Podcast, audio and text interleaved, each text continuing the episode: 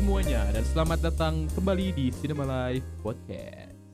Podcast di mana kita berbincang-bincang film dan sinema dan segala hal yang berhubungan dengan hal tersebut. Eh, podcast ini dipersembahkan oleh Martusan Film seperti yang kalian mungkin ketahui karena mungkin kebanyakan dari kalian datang dari sana selama ini sudah mendengarkan dari sana dan eh, di episode kali ini tidak hanya kita membahas film tapi gue juga mau ngebahas sedikit tentang masa depan podcast ini karena kemungkinan akan ada sebuah perubahan di masa depan terhadap podcast ini dan perubahan tuh maksud gue adalah ketidakberadaan. dan Eh, post gua iya. eh dan di post terakhir yang The Lighthouse Iya ya. gua nggak di tag Oh iya iya, sorry bar, sorry bar. Kayaknya Gua kayaknya at this point gak usah di tag gitu. Lu udah bukan eh pihak eksternal gitu. Lu udah bergabung dengan nama ini. Gitu. ya ya tapi Instagram gua kan independen Oke oke oke oke. Gue tag gue tag. Siap. alright Oke, sebelum itu tetapi kita akan berbicara tentang salah satu film, bukan salah satu film lagi ya. Kayaknya eh, banyak yang akan setuju kalau gua ngomong ini adalah the best film of 2019 of 2019. Mhm. Dan di best dari sini bukan gua eh, mengatakan ini film yang bakal di nomor satu di semua daftar top 10 film di semua orang, tapi menurut gua pasti kayak ini nih salah satu film yang eh kayaknya ada di semua top 10 se- eh, orang. Kayak kayaknya susah membayangkan film ini ada yang nggak suka sebegitunya gitu ngerti gak sih kayak menurut gua Ya, film ya. yang ini tuh film yang bagus secara universal Yup. tidak bergantung dengan preferensi orang ini top 20 gua sih Nanti. top yang satu apa Nymphomaniac bercanda bercanda oke dia oke. masuk top 10 kok Parasite Oke, masuk top oke, 10. oke. Wah, Nah, gua nyebut ya judulnya Oh ya nggak apa-apa nggak apa-apa. Orang udah baca episode oh iya ini. udah baca judulnya Ya, jadi Iya. kita akan berbicara tentang Parasite, eh, sebuah film yang baru-baru ini memenangkan Best Picture di Oscar sebagai film pertama yang bukan produksi Amerika yang menang Best Picture. finally Ya, akhirnya eh, pertama kali juga di tahun ini Oscar mengubah namanya menjadi Best International Film bukan Best Foreign Film kategorinya untuk film-film yang di luar Amerika. Jadi mereka ingin berusaha lebih inklusif kayaknya gitu lah ya. Jadi pem- kemenangan Parasite ini jadi jadi bukti nyatanya mereka ingin lebih inklusif. Eh, tetapi mungkin eh oh ya, gua belum kenalin juga si sutradaranya ya. Kalau kita bicara Parasite nggak akan terlepas dari sutradaranya itu adalah Bong Joon Ho gak yang ngomong kayak waktu itu yang gimana? Bong Joon Ho. ya Mereka iya. nggak tahu, mereka nggak tahu. Iya, Karena iya, belum iya, ada. Ya, jadi eh, mungkin itu tadi sedikit teaser untuk sesuatu yang mungkin akan ada atau mungkin akan tidak ada di masa depan. Eh, ya, tapi saudara dari Parasite adalah Bong Joon Ho dan diperankan oleh Bong banyak Joon-ho. sekali, terutama ada Song Kang Ho, Park Sodam, dan yang lainnya nggak apal karena banyak. Yep. Eh, tapi sebelum kita bahas-bahas tentang Parasite karena banyak banget yang harus dikupas di Parasite, kita dengerin dulu trailernya. Untuk gue sama Bara nonton, untuk kalian dengerin aja. Ini dia, trailer Parasite.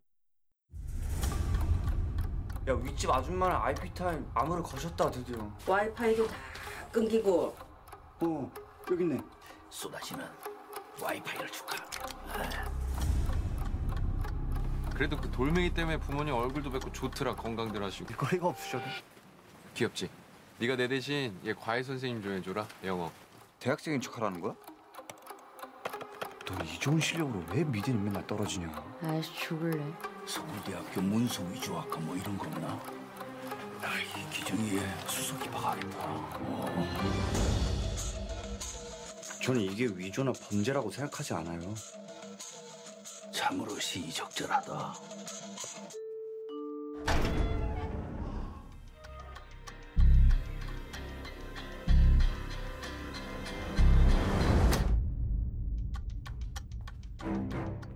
Tenet. Wow. Iya, itu dia trailer dari Parasite. gua baru lihat trailernya loh Ya, gue juga kayaknya gue nggak tahu ya, gue udah lihat atau belum. Kalau nggak salah kayak gue juga belum nih kayaknya. Langsung nonton aja sih gue, karena Dan- eh, apa?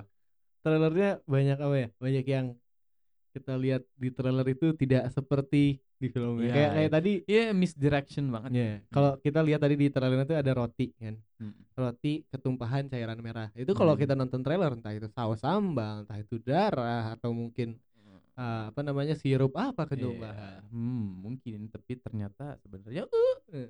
Tapi ini akan dikasih spoiler kan ada Di- di ada podcast spoiler. Ya, ya ini jangan di awal lah biar ada build iya. up-nya ke Nah, spoiler. nah, iya, iya. eh eh, tapi ya kayak terus menurut gua trailernya menjual film ini kayaknya bener-bener lebih ke straight thriller ngerti gak sih lebih kayak Ya ya ya. bener-bener plain thriller aja padahal eh, banyak dari film ini kebanyakan mayoritasnya justru lebih ke komedi bisa dibilang Bisa dibilang mirip Lighthouse nggak? Maksudnya di Lighthouse di sini? Ini kebetulan berarti ini akan up-nya setelah eh, udah Lighthouse udah up, kan? The Lighthouse udah up men. Lighthouse sudah up kan? Maksudnya Udah, ini iya. akan up setelah Iya, iya. Lighthouse langsung kan? Iya, Berarti iya, iya. episode selanjutnya kan. Hmm. Nah, eh, kayaknya gue bilang mirip Lighthouse.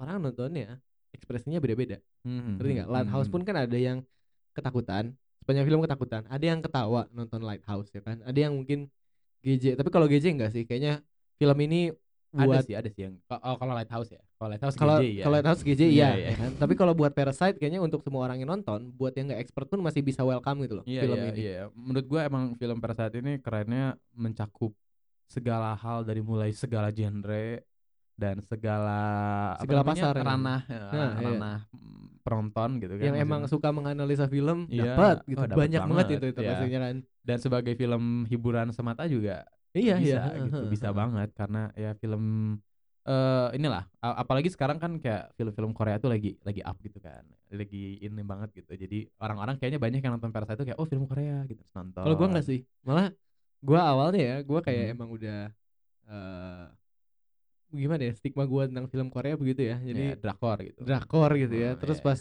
ada direkomendasiin sama teman gua ada Parasite bagus katanya. Terus oh ya film apa? Film mana? Film Korea. Wah gua malas nonton tapi makin sini Hmm. kan banyak yang ngomongin katanya bagus bagus bagus dan teman-teman gua yang tidak suka sama drama Korea pun Hmm. dia merekomendasikan film itu Oh, berarti nonton juga ya nonton juga Mereka. teman-teman lu. Nah, iya iya nonton iya. juga. Terus akhirnya kayak oh oke deh gua akan nonton cuman belum sempat sampai akhirnya kemarin sempat nonton Nonton. akhirnya ya Bareng baru sama- baru ini ya berarti baru Ah, nonton kalau gua sama nonton Nana. ini pertama kali eh, awal tahun di bioskop gua langsung nonton secepat mungkin gitu kayaknya nggak tahu hari pertama atau yang pasti sih beberapa hari pertama lah gua langsung nonton. Eh karena eh, emang gua pertama kali dengar Parasite itu menang Palme d'Or. Palme d'Or tuh penghargaan festival film Cannes di Prancis paling prestigious lah paling oh kalau film-film yang nyeni-nyeni gitu ya itu awardnya lah gitu. Ya yang Oh, dan Parasite itu menang? Oscarnya nyeni. Ya itu menang di Palme d'Or. Dan suatu kelangkaan ada pemenang Palme d'Or di Cannes yang menang juga Oscar gitu. Karena beda lah seleranya Iya, iya. Cannes dengan Oscar tuh beda kayaknya Oscar tuh pengen saat gimana pun masih ada eh, unsur blockbusternya nggak sih? ya makanya ada Oscar bait kan maksudnya Oscar bait film gitu yang mengundang Oscar tuh pasti yang drama emosional iya, kayak iya. musiknya sesuai gitu yang kan. over the top banget nih. American film gitu kan bener-bener kayak ah, family drama gitu-gitu kan jadi karena kalau dibilang film ini eh, apa ya nyeni ya ya tadi kayak lu bilang kan nyeni Iya, tapi nggak film art house ngerti nggak sih nggak film Iya. yang susah diakses gitu hmm, hmm, hmm. Eh, tapi bukan juga film Oscar karena nggak bukan film drama yang konvensional kalau dibilang ini film bergenre banget kan berstylistik banget gitu bukan Iya iya iya. iya. bukan plain gitu kan. Walaupun Kayak- gua ngelihat ah, di film ini ngelihat transisinya obvious banget gak sih?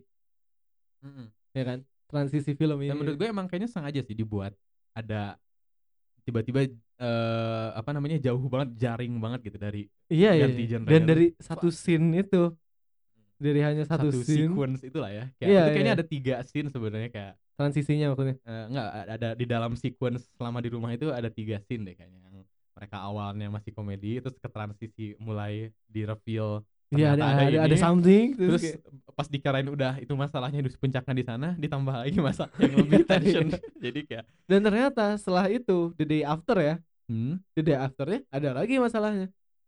iya iya Iya, iya, dan iya. itu kayak holy what? Iya makanya jadi eh ya tapi sebelum ke sana mungkin kita eh, breakdown dulu nih Parasite. Eh, karena ini gini ya tanda-tanda tandanya film bagus itu yang menurut gua gua bisa ngukur dari episode podcast maratusannya semakin filmnya ngalirnya ngomonginnya langsung bisa omongin banyak gitu ya. itu berarti makin bagus. Dan ini kita Ah. udah sengaja nih selama kemarin kita nonton berarti dua hari yang lalu ya? Iya iya iya. dan kita benar-benar abis nonton langsung berdiri diam. Bahkan bahkan teman teman kita yang waktu itu ikut Iya. nonton juga dia pengen ngobrolin film kita kita acuh tak acuh aja iya "Ah, oke oke. Oke oke. Kita nggak mau ngomongin sampai on mic. Karena perbicaraan itu harus on mic jadi kita Ya. adik kakak sebenarnya kalau di luar podcast nggak deket karena Ya, kita ya, nggak mau ya. ngobrol kita nggak kita konten kalau- di luar eh, mic gitu kan. Ya, kita kalau ketemu cuman kayak eh, angguk-angguk kepala ya ya udah terus kayak duduk ke mic baru ngobrol. Ya gitu. Oke tapi awalnya Parasite itu kita eh, sinopsis sedikit lah ya. Dibuka dengan kita mengikuti sekeluarga Kim. Keluarga Kim itu adalah sebuah keluarga beranggotakan empat yang kebetulan eh, bisa dibilang kelas bawah ya secara ekonomi. ya proletar di- lah Mm, proletar di Korea, Korea eh, Selatan. ya Eh, dan kita dibuka langsung ke tempat tinggal mereka tuh di namanya semi basement apartment ya. Itu gue Iya, iya, iya. kayaknya di Indonesia atau di mana pun kayak gue baru sering dengar itu setelah mulai Parasite ini muncul jadi mulai perbincangan tentang itu tuh mulai banyak gitu semi basement bahwa ya isu eh, perumahan di apa Korea Selatan itu masih kayak gitu lah gitu Iya, maksudnya iya, masih iya. ada semi basement lain lain lain tapi gue suka loh konsep rumahnya entah ya yang semi basement berarti. maksudnya kayak mungkin karena kita jarang kan ngeliat pemandangan kayak gitu di film US nggak ada lah ya kan adanya rumah Iya, iya. susun kayaknya kan? ya itu sebenarnya intinya itu tuh eh ini gak sih apa namanya ya basement kan Iya. basement rumah tapi disekat jadi jadi apartemen disewain gitu Iya. kayaknya gitu kan maksudnya. Tapi Ya. liatnya gimana ya? Kayak konsepnya baru lucu. Gue suka sama toiletnya gitu loh. Lucu loh konsep toilet Iya, kayak iya. gitu. dan itu gue awalnya mikir kok ngapain diangkat terus gue baru nyadar berarti itu harus diangkat karena mereka di bawah permukaan tanah kan jadi Iya. si toiletnya biar salurannya bisa ke Heeh, selokan itu harus diangkat terus kayak oke oke lucu kan? detail gitunya tuh banyak sih gue sukanya dan dan semua eh, dua setting utama di tempat di film ini semuanya dibuat kan gue udah Hmm. ngomong sedikit Mhm. Eh, makanya production di sana mengesankan karena gue awalnya ngiranya kayak mungkin emang rumah yang dipakai yang rumah yang kayaknya nih Ya. kan itu di, diceritain sebagai rumahnya arsitek terkenal gitu kan Ya. gue emang ngiranya oh emang mungkin emang ada rumah itu ada arsitek itu dipakai rumahnya Mhm. ternyata enggak ternyata dibuat itu rumah dari nol itu, itu gue baru tahu. Tapi dibuat rumah beneran bukan rumah. Iya, itu rumah full rumah. Karena emang ya seperti yang kita lihat kan eh, si geografi rumahnya si denahnya Hmm. sangat penting untuk ceritanya kan. Kita Iya. selama film ini kita benar-benar kenal banget tata ruang rumah Nggak, ini. tapi maksudnya gitu. itu dibuat as a permanent house gitu, rumah-rumah permanen gitu. Iya, iya, iya. Kayaknya mereka ngejual lagi nggak sih dan bakal dapat gede iya, juga. tapi- tapi maksudnya gue sen, ya. se- seniat itu gitu. Iya, makanya dan gue juga heran. Dan- Literally practical Iya dan dan dan eh, yang langka ada di film itu adalah banyak kan film yang eh, ada karakter atau ada eh, suatu karya yang digambarkan sebagai kayak wah ini amazing banget gini-gini. Misalnya kayak ada eh, tentang musisi misalkan ada film Iya, tentang musisi tapi musisinya ini fiksi nih terus dia ngebuat lagu yang hit gitu. Dan sering kali itu nggak nggak kerasa bahwa lagu itu tuh bisa jadi hit asli gitu kan? Iya, iya, iya. kenapa ini bisa terkenal banget? Atau atau lukisan lah atau apalah film-film tentang seniman. Rumah ini digambarkan sebagai mahakarya arsitek ini itu, itu Ah, dapet gitu Iya, iya. gue iya. percaya ini rumah mahakarya karena emang keren banget rumahnya Iya, gitu. emang, emang wow gitu. Iya iya. Eh dan si itu juga yang kumuhnya juga dibuat dari nol. Si gang-gangnya itu dibuat dari Oh nol. iya? Iya. Itu si di dalam studio. papan-papannya itu studio, studio. Tapi rumahnya enggak kan? Si rumah apa? Rumah yang mereka di dalamnya itu. Kalau rumah yang high classnya yang elite oh, yang high scale enggak, itu enggak. emang rumah beneran. Emang rumah. Tapi kalau daerah kumuhnya Daerah kumuhnya di dalam studio karena kenapa ini sedikit eh, behind the scene itunya yang adegan banjir itu semua karena emang si studionya dibuatnya kayak di semacam tangki air gitu loh. Jadi masuk ke studionya tuh Oh. turun ntar ada studionya di bawah. Jadi pas ketika adegan banjir emang dibanjirin si studionya dikasih air gitu. Jadi Wow. kayak kolam berenang gitu. Wow. jadi emang productionnya gila apalagi sebagai film yang bukan Hollywood gitu kan sebenarnya. Iya, iya, iya, sangat iya. sangat gila. Eh jangan ini ngomonginnya ke mana-mana karena bisa dibahas semua di sini. Eh sinopsis melanjutkan.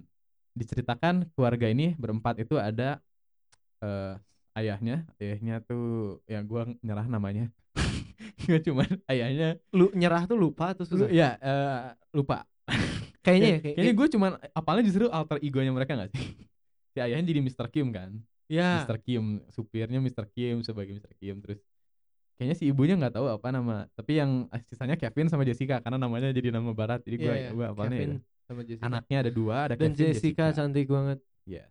Park Sodam new crush new new Hollywood eh bukan Hollywood crush berarti ya new movie crush iya, iya. New Korean crush. ya Korean crush Maksudnya cantiknya apa siapa? Park Sodam ya? ya Park Sodam Ya, eh, Sodam. cantiknya dia tuh ya cantik Korea ya, tapi Hmm. nggak bukan iya iya iya iya. masih cantik, bukan over gitu loh. Hmm, hmm, hmm, hmm. Ya kan? Iya bener Eh, natural lah Jadi, Nah, iya, bahkan iya. kayaknya kalau yang mainnya kayak cantiknya yang model-model Lisa eh, Blackpink gitu. ya yang kayak girl band gitu Heeh. nggak akan masuk dengan peran dia sebagai eh anak yang tinggalnya dia maksudnya kelas bawah lah maksudnya ini bukannya Iya, gua iya. menghina ya tapi kayak Iya, kalau iya. gua ngelihat ah, girl band girl band itu kan kelihatan banget eh, produk-produk yang masuk ke muka parah loh. Gua tahu beberapa temen gue yang di kelas bawah tetap cantik. Iya, ya, tapi cantiknya kayak Jessica kan, ngerti gak sih? Cantiknya tuh bukan cantik yang Enggak sih lebih cantik Jessica. Iya, iya, maksudnya tipenya bukan yang tipe-tipe Blackpink Blackpink yang kayak emang cantiknya tuh terawat gitu, ngerti gak sih? Iya. Cantik yang produk skincare, Enggak kayak mantan. operasi. Jangan sebut. Iya. Disebut. Disebut dong, Man. Oke, oke. Bisa disensor gue yang edit podcast ini bebas. Eh ya, jadi ada empat keluarga ini terus eh, singkat cerita intinya keluarga ini pengangguran lah ya semuanya. Iya, ha. Dan ini mungkin masuk ke salah satu tema eh temanya mungkin kalau di enkapsulasi film ini apa sih menurut lu kayak tema secara besar nggak lah? Kalau kita lihat dari judulnya ya, kalau Hmm, kita lihat dari hmm. judulnya, Parasite ya. Berarti yang ditujukan kan parasite gitu, as a parasit lah gitu Iya, kan, iya, yang iya. merugikan. Kita Hmm. pertama lihat kalau nggak di scene awal tuh ada kecoa nggak sih? Iya, iya, ya iya, kan, iya, ya kan. iya, iya. Dan ternyata kecoa ini mereka lah kecoa di Mm-mm. yang dan si nantinya jadi- analogi eh kecoa ini dibawa terus sampai kayak Iya. pas mereka di rumah lagi mabok-mabokan nanti ada ganang nanti kan diajakin Hmm. kan si ayahnya kayak ah ntar sekarang aja ngejago apa gara-gara nggak ada keluarga Park tapi pas keluarga Park datang kalian bakal sembunyi kayak kecoa di kolong meja bener Iya. di kolong meja sembunyi kayak Iya, iya, kecoa iya, iya. Dan Makanya ya gitu. itu makanya kalau dilihat dari judulnya kan itu ya. Dan mereka Hmm. jadi parasite di keluarga sendiri. Tapi Hmm. mungkin kalau kelihat kita lihat bigger picture-nya ini film tentang social gap juga bisa. Iya, Nggak sih? iya. Perbedaan sosial yang jauhnya iya. gimana gitu loh. Mm. social gap emang jadi tema yang paling sering dibawain sama Bong Joon Ho ini sebenarnya Oh, social mungkin- commentary banyak karena emang kebetulan Bong Joon Ho ini bukan lulusan S1-nya bukan film, S1-nya adalah sosiologi, men. Oh. Jadinya wah, dia kayaknya Ya, sangat ya, ya, ya, sangat ya. sosialis lah, bukan sosialis Sangat dalam itu ya. sosialis. Nah, kayaknya dia eh, nyaman-nyaman aja kalau disuruh pindah ke Korea Utara. Really? ya. Nah, tapi eh mumpung lu ngomongin tentang judulnya, yang menarik adalah banyak yang menangkap si judul ini tuh sebenarnya ambigu. Karena pada ujung harinya pertanyaannya justru malah jadi sebenarnya Parasite itu siapa? Secara lebih besarnya.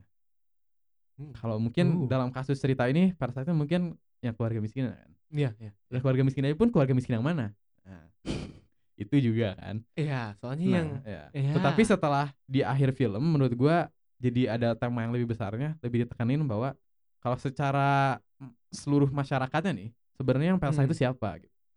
Apakah eh bener nih si yang yang yang miskin lah ya kasarnya, Hmm, hmm, hmm. yang jadi parasite kalau diceritanya kan gitu. Ah, ah, ah. Tapi kalau secara besar sebenarnya apakah yang kaya juga parasite sebenarnya bagi yang miskin?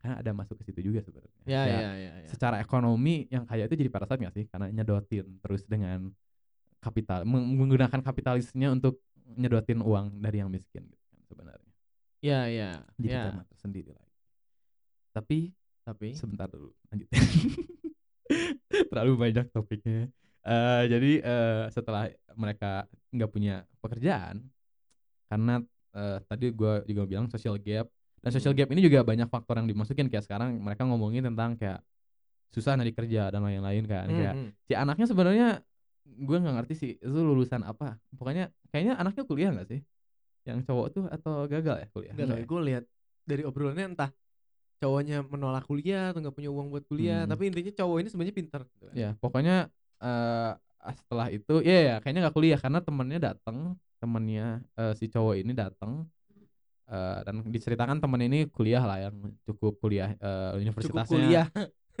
yang kuliahnya yang cukup universitasnya yang cukup eh, ternama gitu kan Sebuah statement baru itu cukup kuliah. ya kan yang ternama Eh, terus jadi jadi topik juga kan kayak ada ditanemin nih salah satu konfliknya antara si untuk konflik si Kevin nih Kevin aja yang ngomongnya si Kevin merasa mungkin kayaknya dia eh, tidak selevel dengan yang kuliah gitu loh karena Hmm. temennya kan kuliah terus ke si Hmm. keluarganya pada muji wah lihat yang anak kuliah mah beda mau berani ngusir yang mabok gitu gitu kan di awal-awal ada adegan si anak kuliah ini konfrontasi sama Iya, orang iya. mabok Hmm. ya di situ ditanemin lah terus dari situ dikasih Dan ini gue mau nanya karena gue menurut gue ini salah satu aspek yang jarang diomongin tapi sebenarnya kayaknya ada makna lebih pentingnya. Sama si temen ini dikasih batu, batu dari kakeknya, Ya. dikasih ke keluarga ini. Dan batu ini terus ditekenin gitu di film. Iya, tapi iya. menurut gue gue belum dapat representasi batu ini sebenarnya apa yang jelasnya. Kalau lu nanya, gue Hmm. pun sebenarnya nggak nangkep. Eh, tapi gue tahu maksudnya batu ini something important gitu. Sampai Iya, akhir iya, pun iya, diliatin iya. terus kan. Tapi apa gitu loh. Hmm. Kayaknya nggak tahu ya. Kayaknya lebih abstrak tapi sebenarnya kita ngerasa itu penting karena si karakter Kevin ini memperlakukan batu itu sangat penting. gue ya gue Eureka moment ini. Apa-apa. Awalnya di batu ini dibilang abstrak kan, Iya, iya. ya kan? Heeh. Emang apa-apa Bong Joon Ho ini pengennya emang Wah. abstraksi buat para penonton aja gitu. Mungkin. Interpret mungkin, mungkin. multi tafsirnya dari Nah, situ. Dan ya. terus yang gue seneng dengan ada momen-momen kecil karakternya tuh si Kevin ini dia tuh sering banget ngomong sangat metafor yang apa-apa lu nangkep kan dia pas dikasih batunya dia ngomong kayak wah si keluarga ini bukan Kevin ya awalnya ayahnya yang ngomong kayak wah ini batunya sangat metafor. Iya, sangat metafor. iya, apa iya. maksudnya metafor apa gitu? Dan kayaknya kalau kita dari situ sih kayaknya maksudnya emang sedikit komedi kayak sosokan pintar gitu kan keluarganya kayak wah metafor.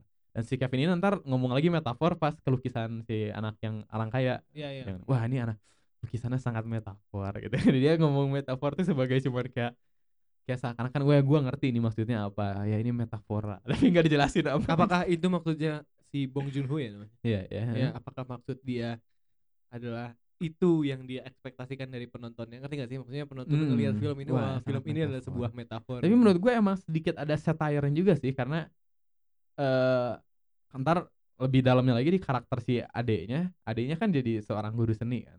Si adeknya ngomongin tentang wah men- menelaah si seni anak ini dan lain-lain Iya, segalanya. iya. Tapi itu sebenarnya cuma bullshit doang gitu. Jadi seakan-akan kayak mungkin pesannya kayak ya udah lu nggak usah mungkin kita sekarang melakukan hal yang salah karena kayaknya si Bong Joon-ho ke sana kayak lu nggak usah ditelaah-telaah gitu deh. Ini film-film aja.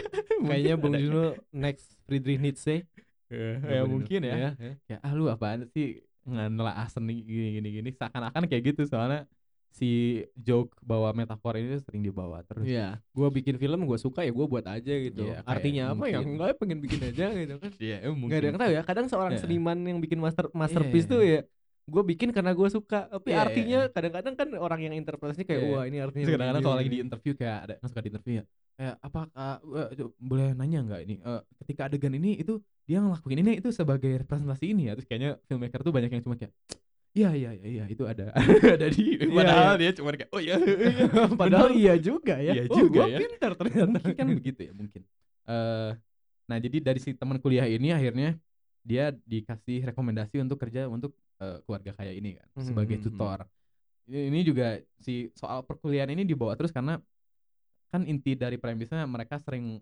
ber- berkali-kali mereka ngomong bahwa kayak lihat nih kita nggak kuliah pendidikan minim tapi bisa dapat Hmm. kerjaan yang lebih bagus sedangkan banyak sarjana yang ngerebutin kerjaan-kerjaan ece-ece gitu kan. Hmm, banyak hmm, ada lowongan kerja di satpam yang ngerebutinnya ada 500 eh, 100 sarjana, sarjana gitu kan. Kayak dibahas tentang perkuliahan kayak di sisi itu gitu kan. Kenapa tuh ya kurang deket tuh ngomongnya komik dong. Oh Ya. iya. oh ya kurang dekat tuh ngomongnya. Oke eh nah abis itu akhirnya kita dikenalkan ke keluarga kayaknya. Pertama kita dikenalkan eh oleh ibunya ya ibunya Mrs. Park lah ya keluarga Park pokoknya. Yang ibunya yang kayak ya ibunya Ya. kaya kan Mrs. Park. Cantik- dan cantik dideskripsikan. ya ya cantik ya untuk seorang Seorang ibu-ibu maksudnya ibu-ibu. Meme lama. Ibu ya untuk seorang ibu-ibu cantik lah ya. Tapi nggak tahu ya kayak- kayaknya kayaknya eh, di Asia itu umurnya kan suka ada meme tuh gak sih? Kayak Hmm, eh, apa namanya eh, berumurnya cewek-cewek Asia itu ntar sampai 20 30 tuh awet muda kayak ibu sama anaknya sama 40 50 tuh awet muda Terus pas Ya. 60 tiba-tiba langsung berubah jadi nenek-nenek gitu tiba-tiba kayak transisinya tuh nggak ada gitu Iya. kayaknya gitu kan soalnya nah jadi kenalan sama ibu-ibu ibu-ibu kan jadinya sama ibu yang kaya ibu-ibu Mrs. Park dikenalin Mrs. Park eh dideskripsikannya Mrs. Park ini eh, kata temannya tuh simple. Simple. Simple? Ya kan ngomongnya simple simple. Oh. Sederhana. Ya karena emang emang wataknya itu lah ya Eh, dan itu jadi sebagai unsur komedi tapi menurut gua bagusnya sih si gua lupa aktrisnya siapa coba gue sambil google. Bagusnya tuh kayak komedi tapi eh, enggak apa ya enggak over lah. Maksudnya jadi menyenangkan ngelihat si ibu-ibu ini tolol gitu iya iya iya. iya. si ibu ini tuh Iya, tolol banget sebenarnya. Semua muanya itu yang oh. Oh, iya iya iya.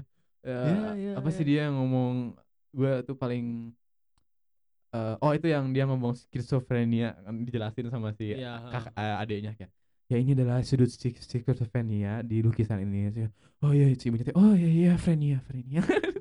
Frenia iya iya iya ya ya Dan- oh iya dan itu lucunya ya kalau sudut ini tadi kan ada pakai sudut skizofrenia sudut ya ini ini sudut lu sebagai psikolog nih coba.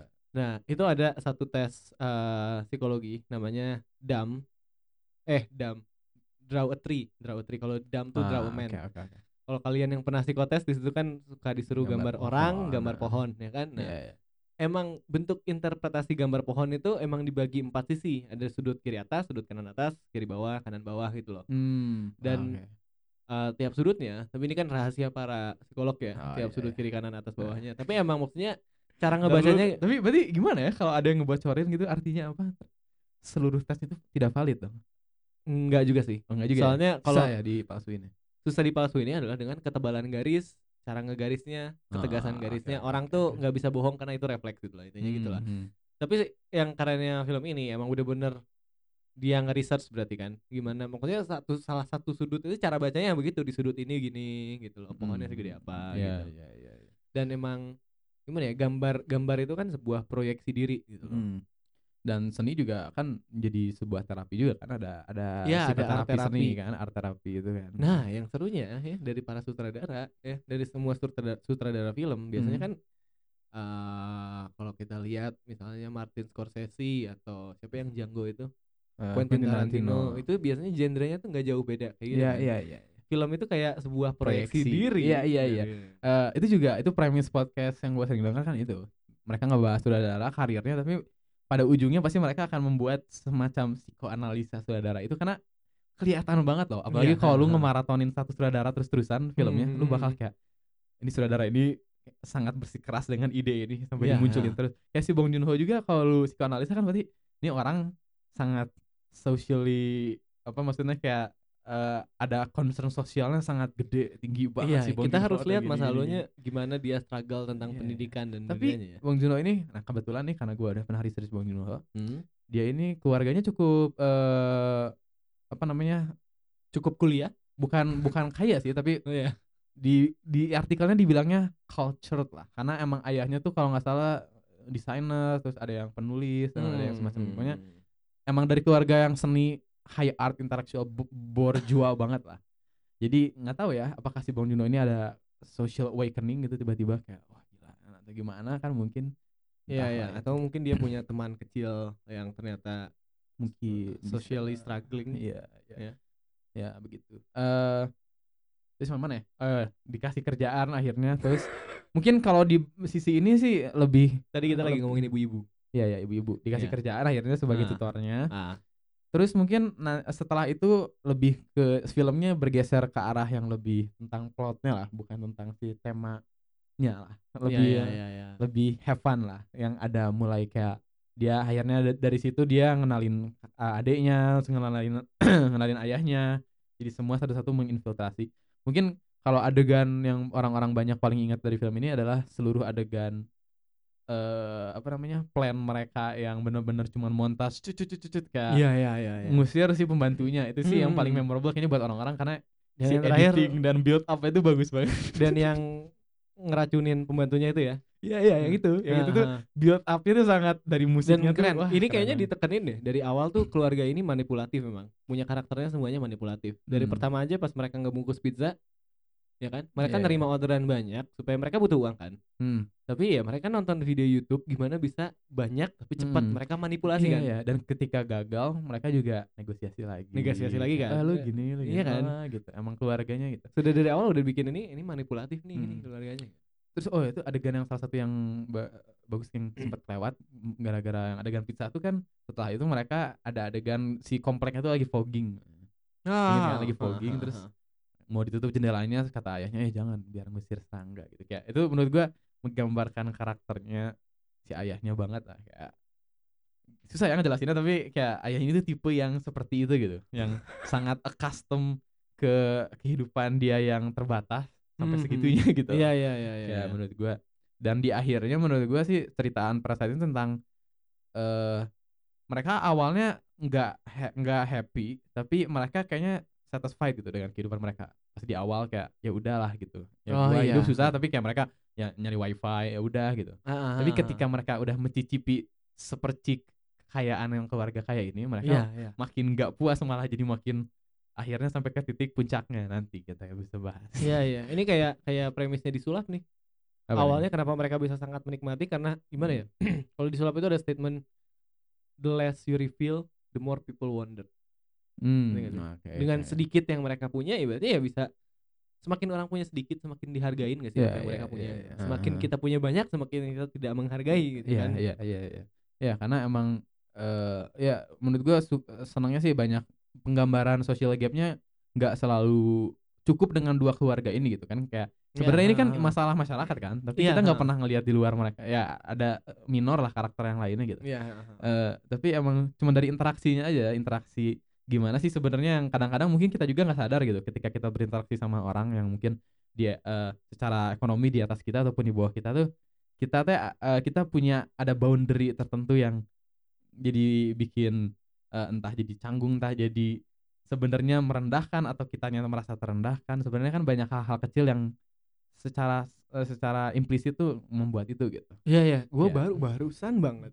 Ya. apa Eh, sama temen gue ngobrol. Iya, Terus iya. temen gue ini punya pacar kan. Hmm. Dan pacarnya so sweet, jadi emang tiap bulan dari dulu tuh selalu ngasih uang, bilangnya buat tabungan kita nikah. Widih, nggak tuh? Iya kan? Gile, Hopeless udah, nikah ya. gini men Ya kan? Nah, terus tadi gue tanya gimana masih nabung? Enggak, kemarin baru diambil. Wah, sayang sekali. Kenapa diambil? Hmm. Buat dia bayar kuliah dia nggak ada uang. Terus gue langsung diam kayak, oke. ya, I'm ya, sorry. iya, kadang-kadang gue juga apa ya eh, tapi kayak mungkin kalau kita kan eh eh, bersyukurnya nih kita ada di middle class lah ya bisa Ya, dibilang lah Alhamdulillah. alhamdulillahnya middle class nih Eh, karena emang kadang-kadang kita juga masih merasakan juga kan kayak ada orang yang jauh di atas terus Ya. pas, pas mereka ngomong tuh kayak gila lu orang sombong banget padahal mungkin dia nggak nggak ngerasa itu Iya, sombong ha, ha, ha, ha. menurut dia itu umum mungkin aja kita gitu. gimana ya kayak segala kebutuhan pokok kita tercukupi Iya, terus, kebutuhan eh, yang bukan kalau bukan lah.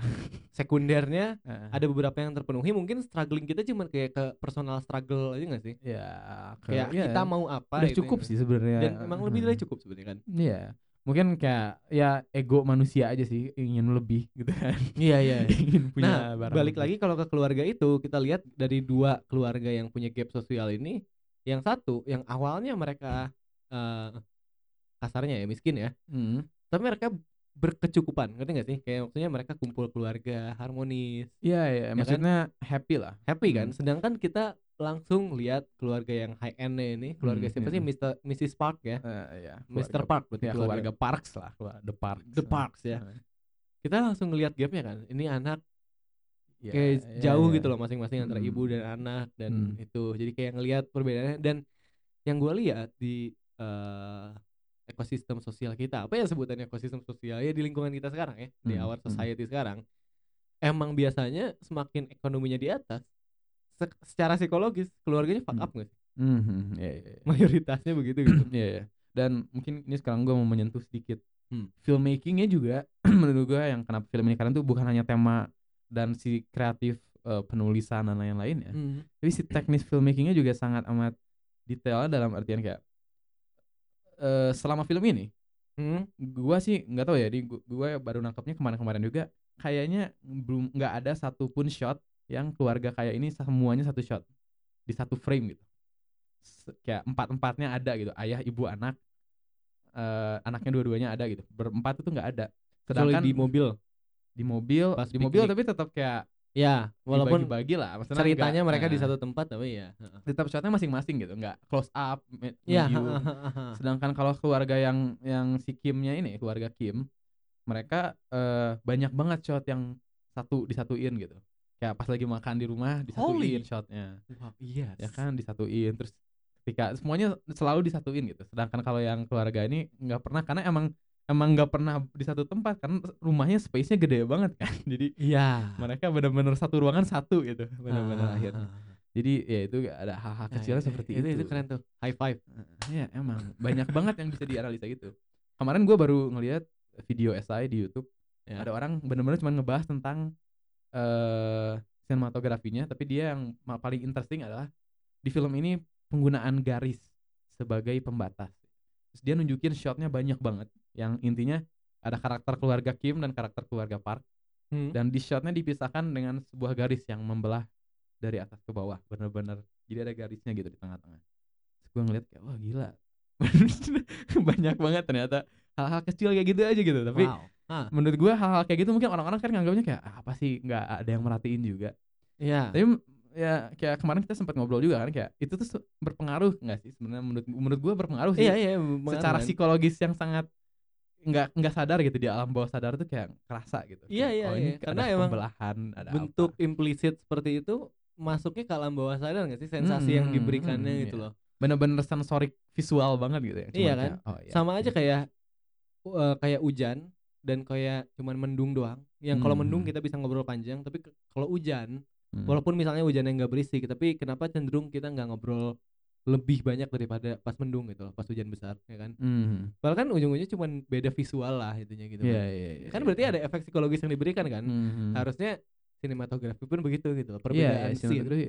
Sebenarnya fotografi ya simpelnya kayak komposisi sesuatu kan kayak misalnya lu ngefoto ada di subway gitu di Hmm, kereta hmm, bawah tanah, lu ngefoto gini ada si jalannya subway-nya gitu kan, keterowongannya gitu. Hmm. Pasti orang akan menggambarkan visualnya titik fokusnya adalah si ujung terowongan, si garisnya itu yang ke situ gitu. Iya. Jadi ntar kalau ada orang-orang yang baris di situ orang bakal ngeliatnya dari sini ke sini gitu bakal ada hal-hal seperti itu tuh yang di Kalau itu dipakai lu lu menjelaskan di podcast nih dari sini dari sini ke sini Oh iya iya iya. Sorry sorry sorry sorry sorry. sorry. gimana Iya, yang iya. nggak dengar bisa ngerti Oke, bayangkan ada sebuah stasiun kereta api bawah tanah.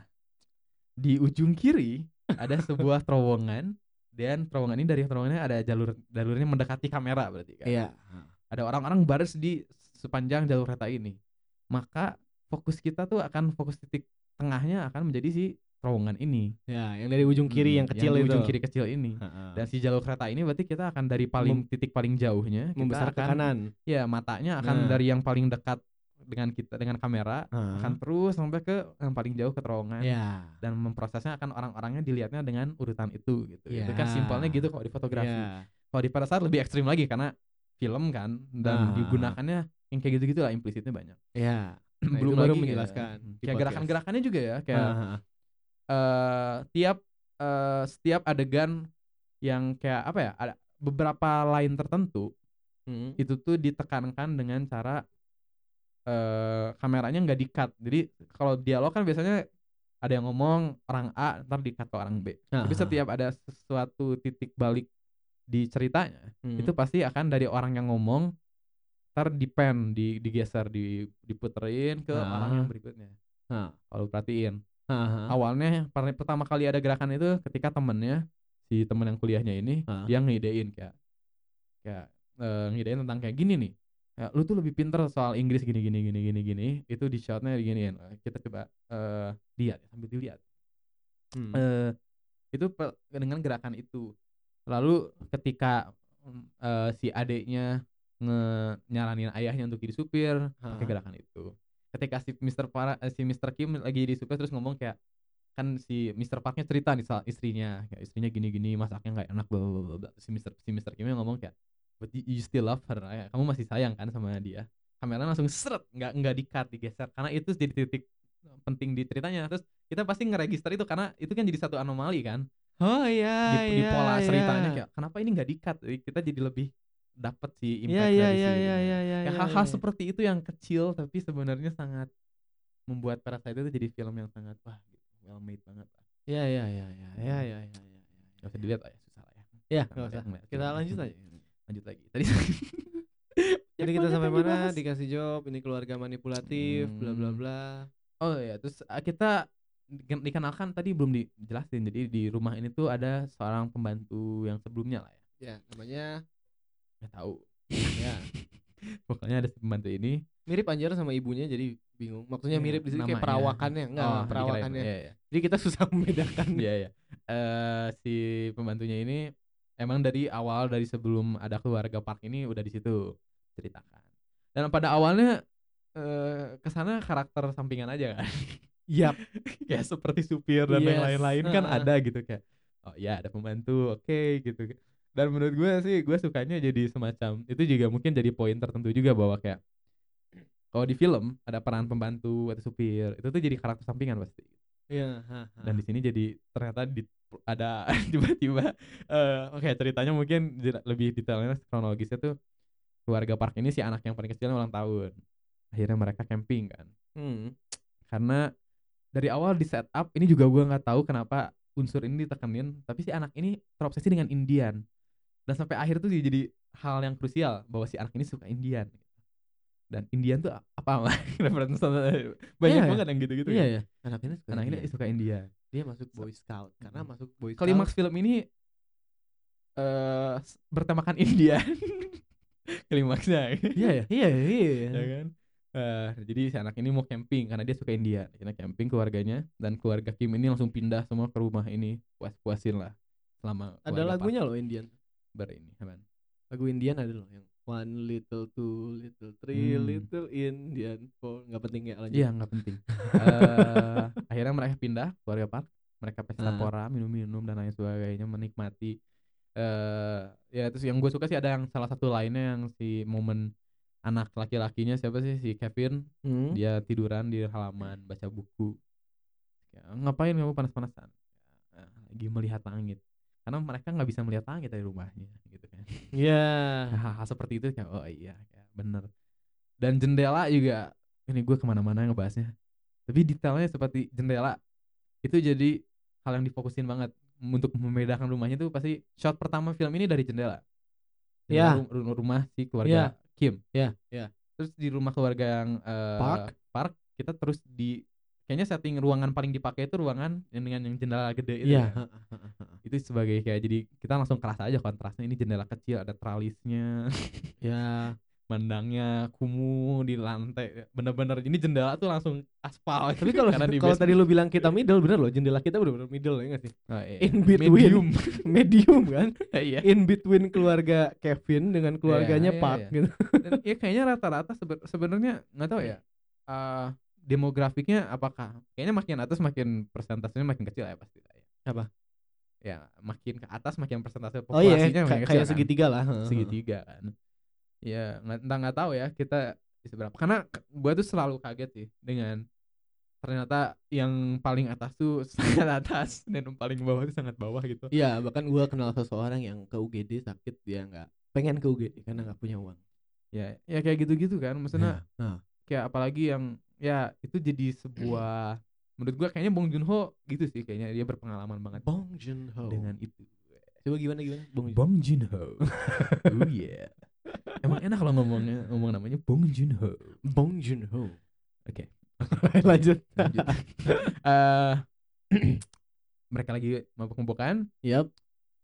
terus eh tiba-tiba datanglah eh enggak eh bukan eh datang ya datang datanglah pembantu Nah, nah, nah, namanya Iya, sebelum situ ya, sebelum situ. Maksudnya kita tetap ngomongin itu. Itu kan sebelumnya ada eh, premis yang kayak eh Kevin atau Jessica ya yang nanya gimana kalau kita lagi senang-senang begini tiba-tiba mereka nggak jadi camping, ya kan? Hmm, hmm, Itu kan berarti kayak udah ada kayak build up, wah tegang nih kayaknya bener nih. Soalnya film-film kan biasanya gitu kan. hmm. Itu Tapi, iya, ketakutan. dan dan tapi bagusnya tuh kita nge-set up-nya untuk keluarga Parknya balik Iya, iya kan? bukan pembantunya yang balik Iya kan? Dan soalnya tiap itu ketakutan semua orang mungkin ya, semua asisten rumah tangga yang lagi dengerin podcast ini, Hmm. ketakutan mereka salah satunya itu kan di saat keluarganya lagi liburan, Ah. terus mereka lagi tiduran enak di sofa makan enak jadi Iya. perasa rumah sendiri takutnya mereka tiba-tiba pulang kan itu Iya, ketakutannya iya. kan Iya, iya. dan kita sebagai remaja itu juga ketakutan kita kalau rumah kita lagi kosong kita doing something di rumah Oh, iya. tiba-tiba orang tua kita nggak jadi pergi Nah. atau apa itu juga ketakutan kita kan Iya, iya. dan iya. film ini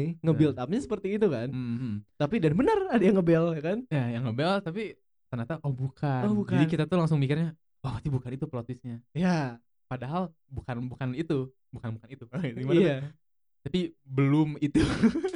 Iya iya iya, maksudnya kan itu. dan di situ ada plot twist lagi. Ternyata bantunya ada plot, ada plot twist lagi Mm, dan di saat kita lagi di tengah-tengah masalah itu mm, mm. yang kita sudah lupa build up bahwa keluarganya akan pulang lagi. Udah nggak ada gitu build upnya Iya, kan, iya, udah iya, hilang. heeh. Tiba-tiba momentumnya udah hilang. Tiba-tiba ditelepon keluarganya mau datang lagi. Gitu Heeh. kan. Oh, iya. Itu keren sih. Ya, ini eh, fun fact filmmaking lagi. Semua shot sebelum eh adegan yang sebelum shot yang mereka kan a- pertama kali kita ngelihat tidur tiduran tuh shot ibunya lagi tidur di sofa. Mhm. Itu shot pertama di film ini yang bener-bener statis, yang bener-bener diem. Sebelum itu semua shotnya gerak, tapi bukan selalu gerakan kameranya, tapi kadang tapi ngezoom sedikit sekali, ngezoom Oh. pelan-pelan banget. Pas, Dan itu pas ibunya tiduran di sofa, ibu yang mana nih? ketika keluarga parknya pergi kan abis yang kayak ini ada anjingnya ini fufu ini apa terus keluar garasi itu mereka Heeh. udah terus akhirnya si ibu ibu keluarga Kim tiduran di sofa terus ternyata ada ayahnya dan lain-lain sebagainya Terus mereka lagi main bersantai semua itu pertama kalinya filmnya jadi diem statis Oh. karena progresnya sudah tercapai kalau dari awal tuh filmnya terus maju ngeli Ngezoom in. maju ngezoom in atau gerak Hmm. gerak terus gitu kan jadi kita terus motion jadi pas ini kita secara tidak sadar kita langsung eh apa guardnya kita langsung down gitu langsung kita langsung relax gitu langsung kayak lepas ah Ah. oke udah selesai goalnya tercapai dan di ketika itulah langsung di dipukul lagi Iya, menarik, konflik menarik, yang menarik, besar menarik. gitu. yang yang sebelumnya jadinya kayak nggak ada konsekuensinya gitu kan Ah. filmnya sebelumnya yang kayak well lucu lah kayak rame energetik terus tiba-tiba langsung filmnya ganti soundtracknya langsung awalnya soundtracknya kan cuma kayak tung tung tung tong ting, ting, gitu kan tiba-tiba langsung gue horor gitu full Iya iya iya iya, iya. soundtracknya Nah, ini transisinya di sini kan. ya, transisinya ketika datang pembantunya dan udah kayak film horor aja bener-bener premisnya Iya, kayak an- anehnya shotnya beda loh. Maksudnya sebelumnya itu nggak pernah kayak ada shot yang seperti itu gua nggak ngerasain apa bedanya. ya. mencekam gitu kan maksudnya. Mencekam kan? Nah, Maksudnya iya. sebelumnya emang cerah. Kalau malam pun ada nggak sih shot malam sebelumnya? ya ada tapi Ada ya? kayak ada lampu Iya, iya, ada lampu. Maksudnya kayak enak gitu loh, ya iya, kan? iya. Tapi pas di saat membantu yang lama ini datang Hmm. ngebel, kita ngeliat di CCTV-nya entah kenapa weird gitu loh, iya iya iya ya kan? ya dan sebelumnya kayaknya nggak pernah hujan nggak pernah apa karena sebelumnya kan ada plot yang si Jessica dia ng- ngeluarin supirnya adalah premisnya si supirnya ngomong wah ini kayaknya mendung kayaknya mau hujan tapi nggak pernah hujan Hmm, hujan hmm, tuh di titik itu dan hujan terus sampai ke klimaksnya akhirnya gitu hmm, kan. hmm. J- jadi di situ datang pembantunya dia ngomong mau ngambil sesuatu di basement Iya, iya. dan dan gua ya kemarin lu pertama kali nonton kan gua gua masih inget sih pertama kali nonton ini tuh gue kayak sana nggak tidak tidak terekspektasi banget gitu Gue nyangkanya ini ini orang kenapa gitu pas turun kan Iya. dia sama lemari, tangannya ke lemari, kakinya Hmm. ke tembok gitu kan terus terus gue gue kaget loh kalau di di bioskop gue kiranya langsung jadi dia kayak lagi di tembok supernatural gitu iya maksudnya. iya iya iya. ternyata enggak Maksud gua tuh maksudnya pas lihat itu kayak ini orang kenapa? Apakah sakit jiwa Hmm. atau apakah film ini tiba-tiba jadi ada supernaturalnya gitu iya kan? iya dan eh iya maksudnya soalnya judulnya Parasite kan Iya. jadi kayak lu mikir ke mana-mana dan Bong. Joon Ho ini sebelum-sebelumnya filmnya tidak banyak gitu filmnya yang ada fantasi atau sci-fi atau apa gitu. jadi kayak lu nggak nggak itu bukan di luar kemungkinan gitu Iya makanya Nah. pas gitu itu dilihat ngapain terus bantuin dorong lemari terus di iya iya iya. akhirnya ada yang ngeganjel tuh kayak panggangan ya Ya, nggak tahu ya alas kayak- panggangan yang buat barbeque kayak besi iya ya kayaknya kayak besi heeh. panggangan buat barbeque gitu kan kayak Iya. nyangkut di bawahnya ditarik akhirnya lemarinya kedorong kan. Jebrak, eh, terus setelah lemarinya kedorong kita melihat di situ ada satu pintu pintu horor tuh ini pintunya kayak pintu insidious gitu loh kayak Iya. tersembunyi banget kan gitu. kayak stall gitu kan terus What? dan kalau ini nggak tahu ya kalau lu tapi selama ini kan satu shot yang benar-benar turunin tangga Mm-mm. itu gua langsung kemungkinan yang gua tumpuk tuh langsung banyak benar-benar kayak ah, apa apa ada ada ada secret society ada apa oh, ada Sandra ada apa gue semua dipikirin kan soalnya kayak iya iya iya iya. ah di Sandra siapanya dia kayak macam-macam gitu mikirnya jadi iya iya kayak iya ha, ha, ha. "Hah, ada apa ini soalnya kalau nggak salah ya di basement itu ada dua tangga nggak sih Ya kan? ada dua turunan tangga Eh, ya apa pertama level pertama dan level kedua maksudnya. Iya, Iya, iya, iya, iya. iya, Pertama kan cuma ke ruang penyimpanan gudang itu kan. oh enggak enggak ya maksudnya kalau dari gudang jadi belok masuk belok nah, iya iya. buka lemari ada pintu bunkernya kan. Ya. Pintu heeh. bunker pun kayak seperti ada dua level gitu loh. Iya, iya, iya, ya kan. iya. Nah, Makanya kelihatan kayak sensasi naik situ serem gitu loh. Iya, iya, iya. Sensasi turunnya sorry, Hmm. turunnya kayak Bener-bener wah, satu, sh- satu shot ngikutin si itu dari belakang. Tiba-tiba kayak terus iya gue awalnya terus bagusnya teriakannya kan awalnya kayak yang ah oh sayangku sayangku kayak wah siapa Iya iya. Eh, apakah anaknya disandra apakah dia diperbudak Hmm. dia di blackmail gitu maksudnya kayak lu harus kerja kalau enggak anak lu gimana apakah itu gue langsung ke mana-mana Iya mikirnya iya. ha, ha. dan semuanya salah Iya. semuanya Iya, salah heeh. Sebenarnya Eh, ternyata si problemnya pembantu yang lama ini premisnya simpel sebenarnya kan. Dia cuma Hmm, iya. nyembunyiin suaminya gitu loh. ya karena suaminya kebelit utang Nah, tidak ada horor yang dibalik itu gitu kan. ya pembawaannya aja horor Nah, itu kan. Iya makanya. Eh, dan suaminya juga karakter yang menarik sih karena suaminya kayak dari film yang berbeda gitu ngerti gak sih? Iya. Kayak, kayak gaya actingnya kayak Iya iya iya iya. kayak eh ya kayak kalau yang lain actingnya mungkin di level level tuh bukan arti, artian kualitas ya tapi heeh. intensitasnya gitu yang lain tuh masih di level 5, 6, 7 lah ini kayak Iya. dia di sebelah sendiri gitu intensitas actingnya kayak Kayaknya yang salah satu yang bawa thriller dia juga. Iya, dengan sekarang jadi meme-nya itu dari dia semua. Oh ya. Jadi meme tuh respect. Ah, ada jadi meme. Dia teriak respect. Nah, ternyata di reveal ada konflik itu. Dan a- apa ya?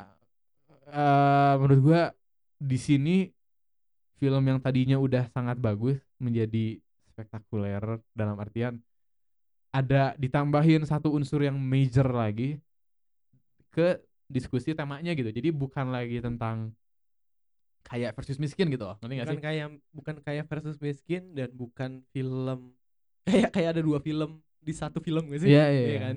Kayak kalau kayak- bisa dibuat ini jadi kayak semacam si adegan yang turun tangga tuh kayak jreng, ngebuka pintu. Nih, to be continue. Nah, itu. Part 2 nya ntar ada lagi bisa. gitu. Ngomong-ngomong to be continue. Iya. Ini biasanya ada break. Iya, iya. Ini udah hampir 50 menit, Bar. Oke. Terusin. Bisa jadi ini episode terakhir. Ah. Jadi kita polin. Gua sih mengiranya akan ada break. Nggak usah. Nah, kayaknya mending ada break. Oh, oke. Lu mau break, lu bilang aja mau break.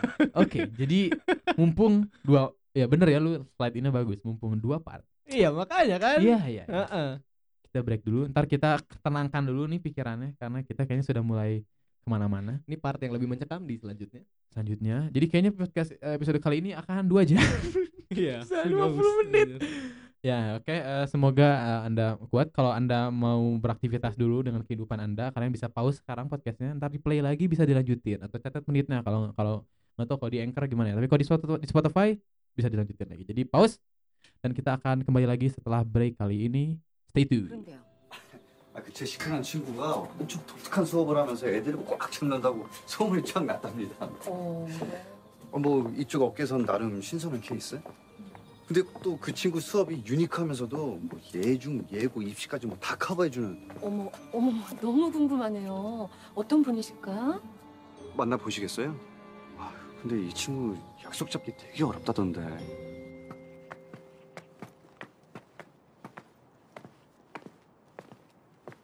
아 잠깐 제시카 외동딸 일리노이 시카고 과 선배는 김치모 그는 이사촌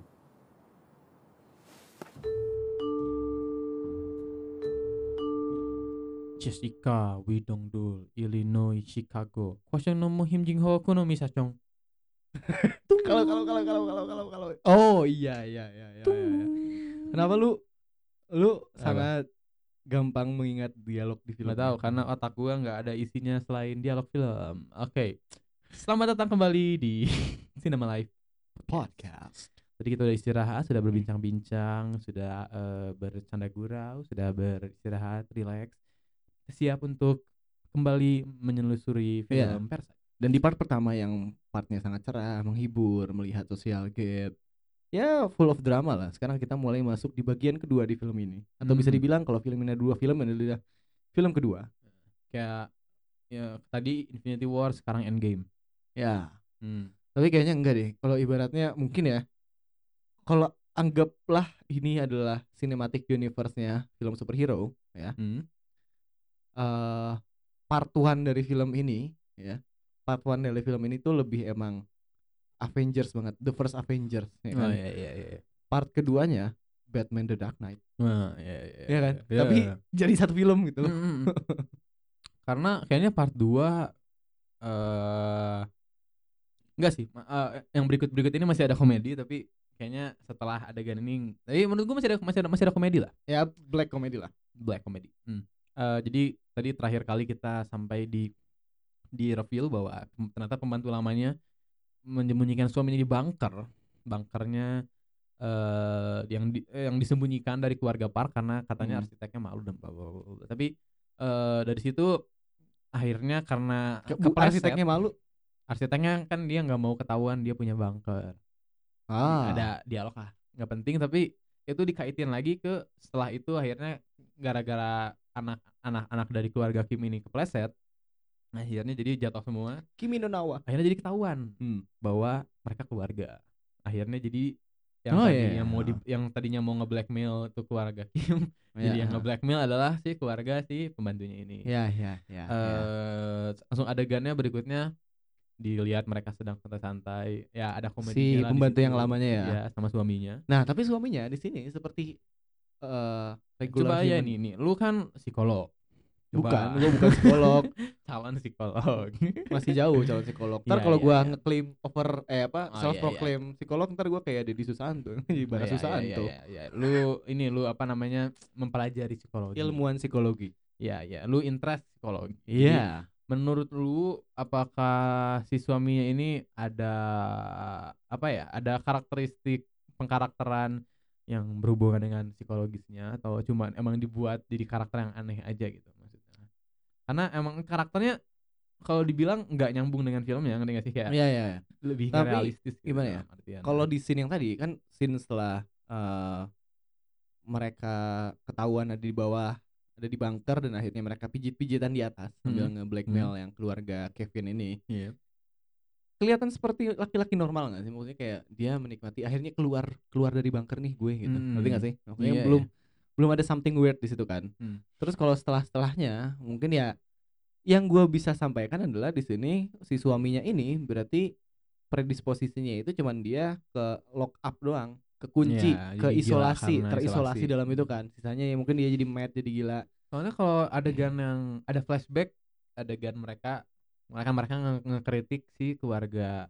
Ini sebenarnya jadi suatu tema lagi. Mereka mengkritik keluarga si Kim ini Hmm. tidak layak untuk punya rumah seperti ini karena mereka tidak bisa menghargai em, value bukan secara ekonomi tapi value artistik dan lain-lainnya karena mereka di flashbacknya tuh mereka menikmati kalau matahari lagi siang tuh lighting lighting ke rumahnya tuh bagus mereka dengerin musiknya opera dan lain-lain segala kan kayak Hmm. mereka mengkritisi itu gitu jadi kayak di flashback itu kelihatannya sih suaminya normal-normal aja kayak lagi nari dengerin piringan hitam Iya, terus iya. minum teh kayak Hmm. jadi mungkin emang efek dari bunkernya kali ya soalnya kelihatannya kayak kalau gue sih ngelihatnya kayak eh, ada apa namanya perkembangannya tersendat gitu loh karena dia kan kayak em, kayak minum susu dari dot itu apa sih kalau nggak Om, salah kalau nggak salah iya deh apa perkembangan? maksudnya kayak dia jadi kayak berkelakunya kayak anak-anak gitu Ya ya. kalau ya. di adegan itu yang pas pertama kali Kalau- ditunjukin Kenapa perilaku dia anak-anak itu nggak tahu ya, entah entah di film itu tidak menjelaskan atau eh gue tidak bisa menganalisa ke sana, tapi Hmm. intinya dengan dari isolasi orang tuh ya bisa perilaku hasilnya bisa beda-beda karena di isolasi Hmm. kan kita persepsi tentang waktu kita nggak ngerti kan Hmm. nggak ada persepsi tentang waktu di Iya, dalam iya, sana iya. kan Iya. jadi ya dan di situ kita nggak ada stimulus kan di Hmm. dalam bunker yang terisolasi Iya, kita di iya, satu iya. ruangan mau ngapain nggak ada stimulus kan akhirnya kita bertarung dengan pikiran kita sendiri kan yang buat Nah. kita gila tuh di situ nah Hmm. berarti perilaku yang muncul sama bapak ini di dalam entah apa perilakunya berarti ya mungkin predisposisinya predisposisi lu ngerti kan Mm-mm. mungkin Hmm. buat para pendengar predisposisi itu yang cikal bakal kenapa bisa Hmm. begitu itu Iya, predisposisi iya. kan Iya, Eh, faktor faktor. pendukung. ya faktor pendukungnya ya karena terisolasi tapi perilaku spesifik setelahnya kenapa begini kenapa begini ya itu mah tergantung masa lalunya orang ini aja gimana Hmm, gitu kan. iya, iya, iya, iya. Jadi diceritakan mereka keluar, terus ada semacam adegan cuma sekali doang dibawainnya tentang bunker ini backgroundnya Hmm. jadi sempat dikait-kaitin ke eh mereka mengibaratkan tombol send ini jadi eh, tombol eh, ini melu- meluncurkan nuklir Korea Utara Oh iya kan iya, dikritik iya, sedikit iya. gitu tapi Ah, ah. kayaknya itu bumbu-bumbu sedikit aja lah. Kayak- kayaknya Iya, kalau iya. orang Korea yang nonton bakal lebih menikmati adegan itu karena Iya, lebih iya, kayak, "Hah," iya. gitu. kan si suaminya ngomongnya kayak, Tapi yang cuma menikmati orang Korea Selatan. Percuma pengen Oh, bikin iya. sebagus apa pun satire-nya nggak akan masuk ke Korea Utara. Bener. Akan Soalnya nonton. kayak si suaminya kan ngomongnya gitu kayak "Eh, apa aku kangen dengan eh, impresi apa impression kamu eh, ini apa namanya pembawa berita Korea Utara karena si Ah. istrinya kan kayak Kim Jong Un sih itu kayak oh ya kayak ini apa Kalau kita ya nggak tahu kalau bukan kita sih. Gua lebih familiarnya kayak itu komentator bola di Pro Evolution Soccer PS2 kan begitu Jepang-Jepangan gitu kan. Hmm, Oh, hmm, sebuah hmm. itu. Hmm. Kalau gue sih kayak koneknya ke kalau di film Ultraman atau Godzilla gitu Ah. terus suka ada yang kayak kalau ada monsternya kan ntar ada yang kaiju sensei atau gitu-gitu yang kayak weh Iya, iya. pengumuman gitu gue koneknya itu sih Ah. eh dari situ adegannya diperpanjang sedikit-sedikit ngebahas tentang tadi rumahnya ini terus akhirnya ada konfrontasi fisik. Keluarga Kimnya melawan Iya, akhirnya iya, mereka iya. rebutan HP terus di, di- sini komedi sih yang lagi iya, iya. bawanya komedi banget ah. dan kalahnya pun dengan hal yang mengalahkan si pembantunya di awal itu persik lagi. Iya, jadi gue ketawa banget sih. Pas di bioskop se studio gue ketawa pas adegan itu kayak yang bersih lagi. ha, yang awalnya kan nggak connect dulu awalnya kayak "Ah, mau lari ngapain? Ngambil pisau ngambil senjata apa? Ke dapur. ha, ha, ha, ha. ternyata ngambil persik doang cuman ditumpahin di mukanya di ini gue tangan gue lagi memperagakan orang membasuh persik ke muka orang gitu ya gitu, Iya. gitu. Persik tuh apa ya bahasa casualnya? Enggak ada ya? Ya peach kan, peach, Peach, itu persik bahasa iya, Indonesianya. iya. Kayaknya nggak umum sih persik. Kayaknya jarang ya orang makan persik di Indonesia. Ya nggak sih? Di Indonesia umumnya makan peach. Malah persiknya tuh nggak dipakai loh. Peach dalam artian udah diproses jadi kalengan gitu. Iya ya. Kayaknya gitu ya. Kayaknya peach itu adanya cuma di Tapi gue baru gitu connect kan. persik tuh peach. Baru Ah. connect itu kayak maksudnya gimana ya? Orang kalau ditawarin mau buah persik nggak? Hah? Hmm. Gitu loh. Ya, Tapi ya, mau ya. peach nggak ya? Kayak Iya karena emang nggak umum buahnya. Kayak kayak- kayaknya itu buah di tempat dingin gak sih tumbuhnya ya? Kalau Mungkin ya, salah mungkin kayaknya. ya. Jadi di Indonesia jarang. Akhirnya di itu persik. Mungkin persiknya ada maknanya lagi lah. Dewi persik. Mungkin ya, mungkin. Eh, masih ada Eh, nggak sih itu orang? Tahu. Masih. Maksudnya masih ada se- sebagai artis atau se- sebagai manusia? Sebagai manusia Masih. masih kan? Yang nggak ada itu almarhumah Jude Perez. Alham. Eh, astagfirullah. salah salah. Oke. Wah, skip. parah. parah. Skip. Oke, skip, skip. ya. Eh dikat nanti. Enggak, enggak Eh, usah, enggak usah. Eh, disensor. Eh, oke. Eh sampai mana tadi? Oh ya, Hmm. mereka berebut, akhirnya kalah keluarganya, Hmm. akhirnya selesai masalah itu. Tapi ternyata di- tidak sampai di situ beberapa saat dari situ. Nah, Ada telepon, diangkat, cekrek dengan kasualnya si ibunya ngomong, eh masakin ramdon. Kayaknya ramdon tuh gue nangkepnya kayak Indomie-nya ya, iya iya. ha. semacam gitulah. Kayaknya lebih elit lah, kayak samyang lah. Ya, dan dari situ gitu. setelah nonton film setelah nonton film itu kemarin, Nathan langsung pengen samyang. Iya. Karena Kabita, wah, gua Iya. gua penyakit gua gitu kalau di film. Kalau gua nonton film, pasti gua mau makanan yang ada di film itu. Baru-baru ini gua makan eh, nonton Harley Quinn. Di Harley Quinn ada satu Yang adegan, Birds of Prey. ya yang Birds of Prey. Ada satu adegan didedikasikan untuk pokoknya bener-bener mengromantisasikan sebuah sandwich telur, bacon, keju. Hmm. langsung lapar, makanya gua langsung pengen burger. Habis itu ketemu lu tuh. Ha. Itu buat bangkit kalau nggak dengerin. Bangkit burgernya enak. Ya, Nah, buat teman-teman semua yang Burger. su- yang di domisili Bandung dan suka Iya, makan domisili. burger, pengen cobain burger yang sensasinya unik bisa langsung datang ke Nawa Coffee Indonesia di Jalan Kanayakan. Hmm. Di situ ada tempat burger namanya Meet Your Meat. Ya, berapa burgernya, Bar? Burgernya ada Skip, uh, yang skip yang yang Menunya ada uh, menu utamanya ya, yang Iya. direkomendasikan itu ada dua, ada junior dan senior. uh, ya. junior senior. Itu dua-duanya burger junior senior. Kalau senior kan Oke. lebih besar intinya porsinya buat teman-teman yang semua. Hmm, Kenapa jadi ya. video sponsorship? eh? Nggak apa-apa. Siapa Oh. tahu ditawarin sama meat, Iya. meat, meat, meat apa? Meet your meat. Meat your meat. Meat for you. Ah, hanya dua puluh ribu. murah burgernya dan enak itu yang sekali. junior kalau yang senior dua puluh lima ribu Iya, dua puluh ribu. Kalau pengen tambah- McD lebih murah ini. kalau pengen tambah telur tambah tiga ribu Hmm, enak sekali. Dan kalau mau tambah sausnya, saus rahasia, tambah lagi. nama sausnya saus yang Lex anjing Yang like itu? Iya. Eh, yang like benar. Oke, eh balik lagi Parasite itu sponsor kita Meet eh, Meet Your Meat. Eh, terima kasih Meet Your Meat untuk sponsor di podcast ini. Eh berikutnya tiba-tiba muncul keluarga Park di rumah ini dan jadi suatu apa namanya jadi spektakel lagi jadi adegan lagi nah ini yang gue bilang tadi kan me- merpanjang lagi yang gue bilang tadi di saat build up mom- dan momentum ketakutan kita akan keluarganya akan pulang lagi udah hilang tapi ada masalah baru ini dan masalah ini udah selesai. Kita- sempat lupa kan nah sempat- kita sempat lupa. Telepon lagi eh pulang beneran dong si bangsat gitu. Nah, dan dan gue langsung connect ke keluarga Pak kalau anehnya pas ditelepon gue sempat mikirnya kayak ada apa lagi nih? Iya iya Ternyata- iya iya keluarga Park iya exactly.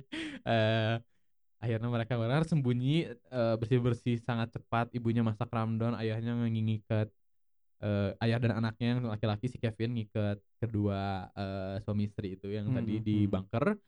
Si eh, kakak yang perempuan Jessica dia bersih bersih tepat waktu banget keluarga Parknya dat- datang terus itu lu selama nonton nahan nafas gua ngeliat. Yep karena pas setelah selesai adegan itu langsung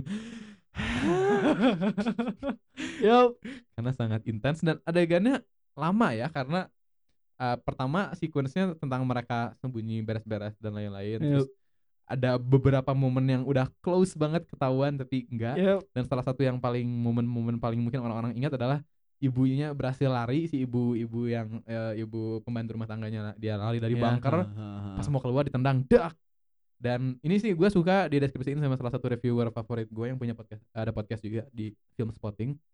Eh dia deskripsikan ini momennya eh, reaksi orang-orang tuh dan di bioskop gue juga waktu itu gitu ketawa wah. sukses lu punya bioskop. Di di studio tempat gue menonton film ini pertama kali. Alright. Ya itu orang-orang tuh ketawa. Heeh. ketawa eh kaget dan ngeri. Dalam berapa detik? Tiga detik paling ya. Ya itu setiap, keren ya. setiap ekspresi satu setiap emosi itu satu detik. Dan iya. pas ditendang tuh dek, sempat ketawa dulu kan kayak ditendang dong. Pas jatuh saya jek terus pas jedak langsung ngeri mati nggak Iya Ah. iya iya. itu lu kemarin lihat ekspresi gua nggak sih gitu? Maksudnya pas ditendang, "Hah, what? iya makanya dia benar-benar gitu dan itu kayak ah, itu si eh, si reviewer ini yang di podcast Hmm.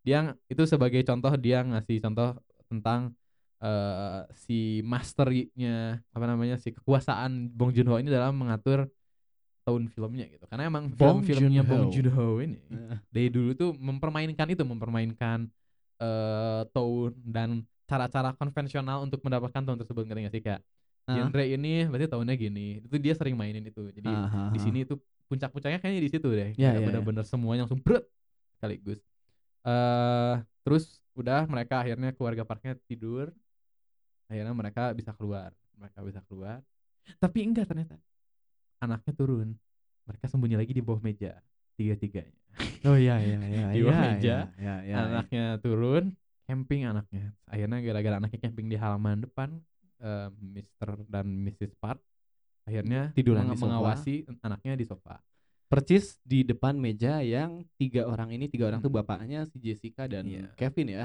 Ya, jemput di bawah di situ. bawah situ dan itu juga banyak tegangnya kayak dari mulai si Kevin tuh jadi oh ya tadi kita nggak pernah bahas ya Kevin ini akhirnya pacaran sama anak dari Jessica Park eh sama ya anak anaknya. yang Parknya yang masih SMA ini eh terus anaknya sempat ngechat lu anak juga kalau gue tegang di bioskop. Anaknya sempat ngechat. Ya dan vibrate kan. terus iya, si ibunya terus se- sebelum di vibrate itu tuh dia nge-silent dulu. Jadi awalnya sound terus di vibrate jadi dia pecetak vibrate baru bruk, masuk notifikasinya. Jadi kalau dia telat sedetik tuh cetung gitu loh. Oh, makanya nggak suka oh. Oke. Ketegangannya tuh Ah. di situ ada. Dan di situ ada percakapan yang menurut gue jadi salah satu percakapan eh, momen titik balik arc dari keluarga Park terutama ayahnya eh eh, keluarga Kim salah terutama ayahnya Hmm, itu adalah ketika si Mr. Park ini ngediskusiin tentang bagaimana eh si ayahnya ini Bau. bau Iya. dan dikaitkan yang- sebelum bau sebelum bau ya. apa Ini si Mr. Park ini suaranya sangat karismatik kok. Iya, Suaranya sangat suaranya berat manly sekali ya. banget. Warung coba. Wujudnya, wujudnya, wujudnya. Ya. Wujudnya. Ah. Uh. Memang udah masculinity Hmm. Its dan dan finest. ganteng pula. Jadi Yep. emang s- atraktif semua nih. Ya ya ya. Tapi nggak ini. seganteng Tommy Shelby sih. Tommy Shelby. Oke. Ini Bara fans berat eh, Peaky Blinders. Ya, Sampai buat- jalannya gua ngikutin Tommy Shelby, cu. Ya. Oke, lanjut. Oke, jadi sebelumnya Mr. eh, Mr. Park ini ada ade- adegan sama si Mr. Kim juga di mobil. Ini kita Ah. lupa tadi ke lewat bahwa mereka ngomongin tentang si apa? eh, pembantunya yang rumah tangga ini si Mr. Park ini suka karena tidak pernah melewati garis. Ya. Never cross the line. She never crossed the line. Nah, walaupun hampir tapi nggak pernah cross the line gitu loh. eh dia ngomongnya ya paling mungkin yang cross the line cuman makannya terlalu banyak dia ngomongnya. Dia makannya Ya. dua porsi sehari. Hmm, Dan di situ sih menurut gua reaksi orang bakal beda. Bakal ada yang kayak ya udah sih cuma gitu doang gitu. Ha, ha, ha? Ada juga mungkin yang setuju gitu. Mungkin kayak eh terutama mungkin eh, yang kalau pendengar di sini ada yang sudah berkeluarga dan kebetulan punya istri rumah tangga mungkin. Ya, Mungkin ada yang pernah komplain seperti itu kan. Mungkin banget gitu loh. karena ibaratnya untuk yang punya asisten rumah tangga juga ya, yang namanya ekonomi mana ada yang tahu ya. Maksudnya akan boros juga kan. Iya iya iya bisa ada faktornya karena menurut gue emang film ini nggak pernah ngejudge keluarga Parknya. Maksudnya Ya, ha, ha. kalau dari perspektif mereka mereka nggak ada salahnya kan. ha. Mereka eh, berusaha untuk take care of their own family juga kan Ya, ha, ha, ujung- ha. pada ujung hari. Tapi di situ ditanemin ide tentang garis ini tentang line. Gitu. Ya, ya, ya. Eh, dan di sini dia ngomong eh, di sof adegan di sofa ini yang si Mr. Kimnya di bawah meja mendengarkan bahwa dia ngomong kayak ya Mr. Kim tuh sebenarnya nggak pernah cross the line dia walaupun hampir dia sering nanya-nanya pertanyaan yang cross the line pertanyaannya Ha. adalah tentang si Mr. tadi kan Mr. Park ini komplain apakah dia sayang istrinya ha. terus dia eh, eh, dia eh, istrinya nggak bisa masak bla bla bla si Mr. Kim Ah, tapi masih sayang kan Ya, ha. menurut Mr. Park itu sedikit cross the line. menuju uh, Ya. lainnya tapi belum tapi kata si Mr. Park tapi baunya itu itu cross the line kata dia gitu dia ngomongnya bau apa kata istrinya dan menurut gue di sini mungkin baru muncul kayak kita mulai tidak suka dengan keluarga Park karena dia ngomongnya kan kayak kayak bau kain direbus kayak bau orang-orang di subway dia ngomongnya kan Ya. Nah, di kereta bawah tanah jadi nggak implis nggak eksplisit tapi sebenarnya dia ngatain orang-orang kelas bawah yang Iya. harus menggunakan kereta bawah tanah jadi dia kayak ngatain bahwa orang miskin itu bau Iya. Ha, ha. si Mr. Kim ini mendengarkan ini dengan disapi dia dalami terus kalau kurang nih penghinaannya bukan penghinaan ya merendahkannya kurang si Mr. Kim ini harus mendengarkan Mr. Park dan Mr. Kim have sex Oh iya. One thing ya, gua nggak pernah karena gua nggak pernah nonton film Koreaan sebelumnya ya. Nah, dan gue lihat di sini ya eh scene seksnya dan Iya. kissnya. Heeh. Entah kenapa gua ngerasa genuine banget gitu loh. mungkin karena lebih dekat dengan ma- maksudnya kita kalau bule udah ter, udah terpapar terus gitu ya dulu Ya kan? Iya, iya, gitu lah Jadi ya. kita udah gitu. kayak ya Tapi entah kenapa gua ngelihat ini kayak genuine gitu. hmm, ya gua tahu gua nggak tahu sih kalau di Korea budaya eh tentang seksnya gimana maksudnya ya Harusnya kayaknya udah lebih, ya. ya harusnya tapi Westernis kayaknya, kayaknya westernisasi di sana lebih kenceng gak sih? ya tapi kayaknya enggak se western juga lah maksudnya kayaknya kalau stereotip Asia tuh masih tetap Iya. enggak Tapi bahkan kalau kita lihat gitu. budaya K-pop, K-pop itu kan budaya barat ibaratnya. Iya, iya. Korean pop itu ya itu boy westernisasi band gitu, iya eh, kan? boy band tuh ya Backstreet Boys Iya. Am I your fire? you eh apa kok lagunya How want it that way. Alright, skip. kita udah berapa bar udah sejam lebih bar sejam 12 menit Alright. eh ya mereka harus mendengar itu sebagai hinaan yang lebih lanjut terus skip berapa jam kayaknya nggak tahu ya mereka di bawah meja itu berapa lama Mhm. sampai anaknya bangun anaknya bangun akhirnya udah mulai keluar dulu nih. oh Pak. mereka keluar dulu udah Keluar aman dulu. udah Dua aman. orang enggak dua orang dulu. ya, si anaknya Kevin, Kevin dan sama Jessica Jessica. karena mereka keluar. keluarnya ger, eh, gercep gesit Iya, ya. gesit keluarnya si Mr. eh, Kim dia dengan cara ngesot tengkurap apa ya namanya Iya. apa itu Iya. ngesot tengkurap Merang bukan merangkak juga ya. Ya kayak Kayak ulet gitu. kayak buaya tapi kaki belakangnya nggak ada Iya. ya salamander men Bayangkan buaya lumpuh. ya buaya lumpuh jadi cuma punya kaki depan Iya. diseret gitu lah Hmm. pas lagi dia yang nyeret anaknya bangun pakai walkie talkie dia ngomong kayaknya oh, bangun gini gini akhirnya dia berhenti memutuskan bukannya malah makin cepat dia berhenti dan gue suka banget dengan komedi ini benar-benar cuma visual lu ngelihat si frame eh, filmnya kan kayak angle-nya wide gitu kan lensanya ini ada jendelanya ini ada pokoknya bener-bener di tengah ini semua aksinya di ujung di kegelapan ada kaki si Mr. Q Iya.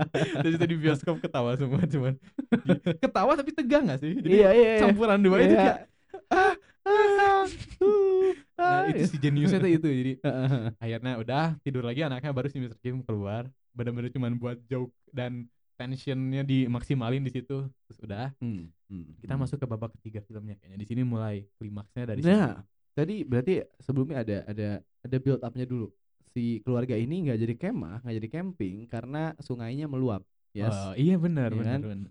Karena sungainya meluap dan anak ini eh, camping di luar jadinya kan si siapa namanya? si Dasong nggak Dasong salah. ya. Eh, Dasong Dasong ini camping di luar. Cuma hujan- cuma tahu Dasong doang kayaknya Dasong ini camping di luar hujan-hujanan sambil ditanya ini nggak akan bocor gitu enggak. Kita mesen tenda ini dari Amerika. oh iya benar Iya benar kan? benar itu dia dari Amerika Jadi kita tidak akan kehujanan. dan itu menurut gue semacam eh ya ada joke satire juga karena kayak menurut gue sih apalagi di, kita di Indonesia ya terutama Hmm. ke sana tuh kalau dibuatnya di Amerika belinya dari luar negeri itu lebih kualitasnya lebih wah gitu mungkin iya tapi nggak selalu gitu kan kasih Iya, gitu iya, doang. ha, tapi ha, kayak ha. itu ngomongnya dia benar-benar ngejelasinnya cuma kayak eh itu dibeli di Amerika jadi nggak mungkin bocor gitu Iya. benar-benar nggak mungkin bocor karena dibelinya di Amerika Iya iya. iya.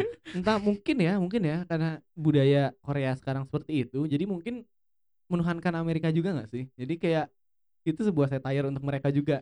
iya iya iya ya. iya Hmm. Probably. Mm-mm. Oke. Oke. Oh, ini ngomong-ngomong soal Amerika gue mau ini sedikit melenceng tapi lu, lu udah tahu atau belum nih? Apa? Trump di Alright. speech dia entah kan Amerika itu proses electionnya nggak ngerti ya gue. Mm. Iya ada speech yang trending kemarin karena gue nge-follow di Twitter kan orang-orang film semua ya. Mhm. Trending di Twitter tuh orang-orang film post si Donald Trump ini dia di speech eh, election dia ngomongin tentang Oscar dia ngomong kayak eh apa last night's Oscar wah, how bad is that huh? how how bad was that? Katanya dia ya. "Uh, some Korean film won the best picture? Wah harus dia, dia pokoknya dia ngehina aja. Terus dia ngomongnya it's as if we haven't had enough problems with South Korea with trade. Now they take over our film. Terus kayak, bring back good films like Gone with the Wind. Apa gitu dia kayak wah ya film Ah. klasik Hollywood. Dan orang-orang ngomonginnya karena Gone with the Wind kalau lu tahu adalah film roman ro- eh, apa romance paling sukses lah mungkin setelah Titanic lah. Mhm. tentang kisah romantisnya adalah cewek dan cowok ini si cowoknya tuh dia harus pergi perang untuk selatan perang saudara Amerika. Holy jadi cow. kayak ya. Donald Trump film favoritnya itu oke. Jadi gitu lah. Eh, jadi Donald Trump mengkritisi Parasite dihina-hina sama dia. Ya Donald Trump men. Eh apa tadi? Oh ya adegan berikutnya mereka turun ke, ru- ke rumahnya tadi lu udah ngomong sungainya meluap ya dan ternyata emang pas ke Nah, rumahnya. dan gue suka banget penggambaran mereka ke rumahnya tuh perjuangannya turun banget ya Holy yes. dia turun jalan turun dari jalan tuh turun tangga ke Kayak- bawah kayak turun jembatan, level ya lagi kan? nggak sih? ke bawah jembatan dari bawah jembatan turun lagi ke gang sampai kayak seakan-akan kotanya berlapis-lapis gitu Iya iya iya iya. iya. bener-bener literally terus Dan emang kayak buat para penonton pun diingatkan kembali mereka tuh dari mana sih? gitu. Iya, kan iya, iya. Ya di Sejauh ini loh itu gapnya. dan di situ gitu. menurut gua di di sequence itu banyak banget kayak nekan-nekanin tombol-tombol temanya kayak dari mulai si Kevin ini dia ngomong kan kayak eh, penasaran nih kalau si Min si temen dia yang kuliah itu kalau dia di Mhm. situasi ini dia bakal ngapain ya kira-kira gitu Dia- karena Hmm. dia menurut itu idola dia nggak sih kayak role model dia tuh dia pengen jadi Min gitu dia pengen jadi anak kuliah Iya iya iya gitu iya. kan. iya. Terus kata Dan si kakak eh adiknya Heeh. Min ini nggak eh, ya gimana mungkin Min ada situasi ini Min nggak mungkin ada situasi ini Iya iya iya iya iya. Dan dan kayaknya eh, film ini juga nunjukin bahwa keluarga ini kayaknya udah seperti yang pelan-pelan lupa siapa mereka sebenarnya. Pas pulang ke situ ada Hmm. tetangganya yang minta, "Can you help me with something?" gitu Iya, kan iya, kayak iya. ini. Terus akhirnya ya mereka mentingin diri sendiri aja. Mereka langsung Mm. datang ke rumahnya gitu loh. Ya, tapi kayaknya emang itu emang gambarin juga eh di apa namanya di kelas itu Hmm, hmm. ya every man for himself nggak sih? Kayak semua orang udah punya problems yang mereka masing-masing. Jadi ujung-ujungnya kayak kayak sebelumnya juga sama kan? Kayak eh, konflik keluarga Kim ini dengan si keluarga yang pembantu rumah tangga tadi. Eh, mereka padahal sama-sama situasinya susah dan ditekenin kan sama si pembantunya kayak "Kan kita orang susah gitu kita harus saling tolong kata dia kayak saya gua, eh, kita gua bukan orang susah kata si ibu Ya, ibu ha, ha, Kimnya. ha. Jadi ada mentalitas justru malah kompetisi gitu di antara orang-orang ini yang Nah, itu kan paradoksnya sini susah ata, gitu. entah mereka sudah merasa mereka naik level Hmm, hmm, hmm. atau seperti statement lu udah every man for himself, Iya, ya kan? Tapi kalau dilihatnya harusnya stereotype ya, stereotype third third class citizen itu biasanya ke, ke, ke royong, ya, ke keluarganya erat kan. Ya kan? Ya. Ya, begitulah. Eh eh, udah gitu menurut gua sih di sini kita ditunjukin masing-masing menurut gue yang menarik adalah di sini mereka bertiga berarti kan si eh, ayahnya, Hmm. Jessica Hmm. eh, dan si Kevin menyelamatkan satu barang dari rumahnya masing-masing. Dan menurut gue itu menggambarkan kayak prioritas mereka apa gitu. Loh. iya, iya. Kalau si Jessica langsung nyelamatin tabungan dia yang sedikit sama rokok. Dia ngerokok di atas Hmm. toilet. Ini juga yang menurut gue bagus adalah eh, selama adegan ini kita nge nge-cut juga kayak bolak-balik ke basement rumah kaya tadi ke keluarga eh ke pasangan suami istri su- Mhm, ini mhm. kan. Ada yang kayak si, si di situ si si istrinya geger otak terus dia muntah ke toilet dan itu tuh lagi adegan Oh iya. Jessica-nya lagi toiletnya yang meluap gitu di rumahnya si Jessica. Iya, iya, iya, iya. kayak iya, bener-bener saluran air itu dari orang-orang kaya nih tai-tainya itu tai-tainya orang kaya tuh disalurin ke perumahan-perumahan yang di pas bawah ini gitu iya. Oh, damn. Ya, iya, iya, iya, Gitu. iya, iya. Eh, terus si Ya. Mr. Kim tuh nyelamatin sarjananya gak sih kayak dia kayak sertifikat gitu dia dia Iya, iya, ambil. iya. Ha, ha. Sedangkan si Kevin lagi-lagi balik lagi ke si batu dia nyelamatin batu pemberian Min Ya, karena batu ini dikasih Min. Mungkin dia mikirnya gitu kan. ya. Yang batu misterius ini ya. batu misterius ini Batu dikasih akik ini. Nah. Eh, terus udah gitu akhirnya ngekat ke adegan mereka di penampungan dan di situ dilanjutin Ah. lagi percakapan tentang batunya sama Ya, ayahnya. ha, ha, ha. dia ngomong ke ayahnya eh eh ayahnya nanya kok kenapa kamu nyelamatin malah batu itu sih gitu. buat apa sih Hmm. dia sambil meluk sambil tidurnya gulingnya batu dia ngomong kayak "Ah, ah, aku tuh merasa ada apa sih attachment gitu ke batu ini gitu Iya, iya, iya. Apa Makanya batu ini misterius nih. Eh, batu ini misteri Buat para pendengar yang mengerti kenapa atau seenggaknya punya gambaran Hmm. apa batu ini tuh apa, mengerti tapi menurut gue sih fungsi batu ini pada akhirnya menurut gue jadi semacam twisted joke tersendiri gak sih kayak digambarkannya batu ini tuh diagungkan oleh si Kevin ya pada ujung-ujungnya batu ini digunakan ke Kevin justru Fuck. Gimana kalau batu ini adalah lambang dari obsesi? Hmm, Ah, obsesi ambisi Ya, yang akhirnya membunuh kita sendiri. uh, Uh. ini episode paling uh, hot man gila Ya. episode paling panjang tapi worth it worth it kalian semua mendengarkan sampai sini worth it Iya.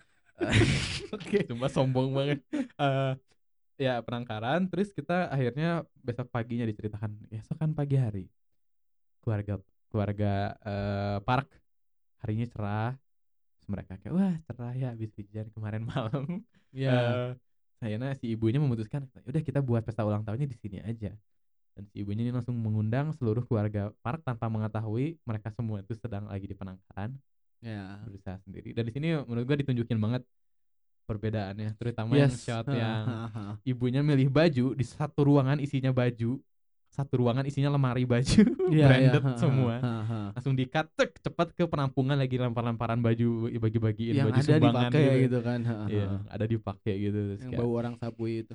ya bau orang subway diundang semua ke sana terus ya memasuki ke klimaks film eh oh ya detail penting adalah si ayahnya si Mr. Kim dia disuruh di, disuruh masuk pagi lah ya Hmm, hmm. lembur untuk eh, nganterin si ibunya belanja Ya. terus pas belanja lagi-lagi tuh diungkapkan lagi si ibunya lagi nelfon-nelfon tiba-tiba nyium bau-bau apa terus ternyata eh, bau si Mr. Kim si ibunya buka jendela ingat gak lo? Iya, iya, iya. Ya, ingat, gitu. ingat. padahal dan gue sukanya sih ditekanin lagi si ibunya kakinya tuh lagi naik gitu kan Iya. lagi naik dia udah nggak connect sama sekali bahwa kalau gua kayak gitu di situasi itu kayak bau pasti gua connect kan kayak oh, kaki gua bau nggak sih kalau dia udah nggak connect dia langsung mikirnya supir gua bau bukan kaki gua nggak mungkin kaki gua bau Iya, iya, iya. gitu gua suka ini detail gitunya itu terus lanjut ke pestanya gimana Bang? Pestanya dari mana? Nah, dari belanja Mr. Kim itu udah gimana ya? Bete lah. Iya, he's having a rough time. Dari mulai banjir, enggak dari mulai banjir, udah dari malamnya aja dia udah mulai bete kan. Iya. Diomongin ini orang bau, udah diomongin bau, dia harus mendengarkan orang yang ngejeknya dia having a great time Iya. with his wife, ya Uh-huh. kan. Terus akhirnya dia pulang dengan suasana ternyata pas pulang banjir, dia di penangkaran harus tidur Pagi-pagi rame-rame. disuruh kerja. Pagi-pagi suruh kerja, dia milih baju yang ada, ya kan. Mm-mm.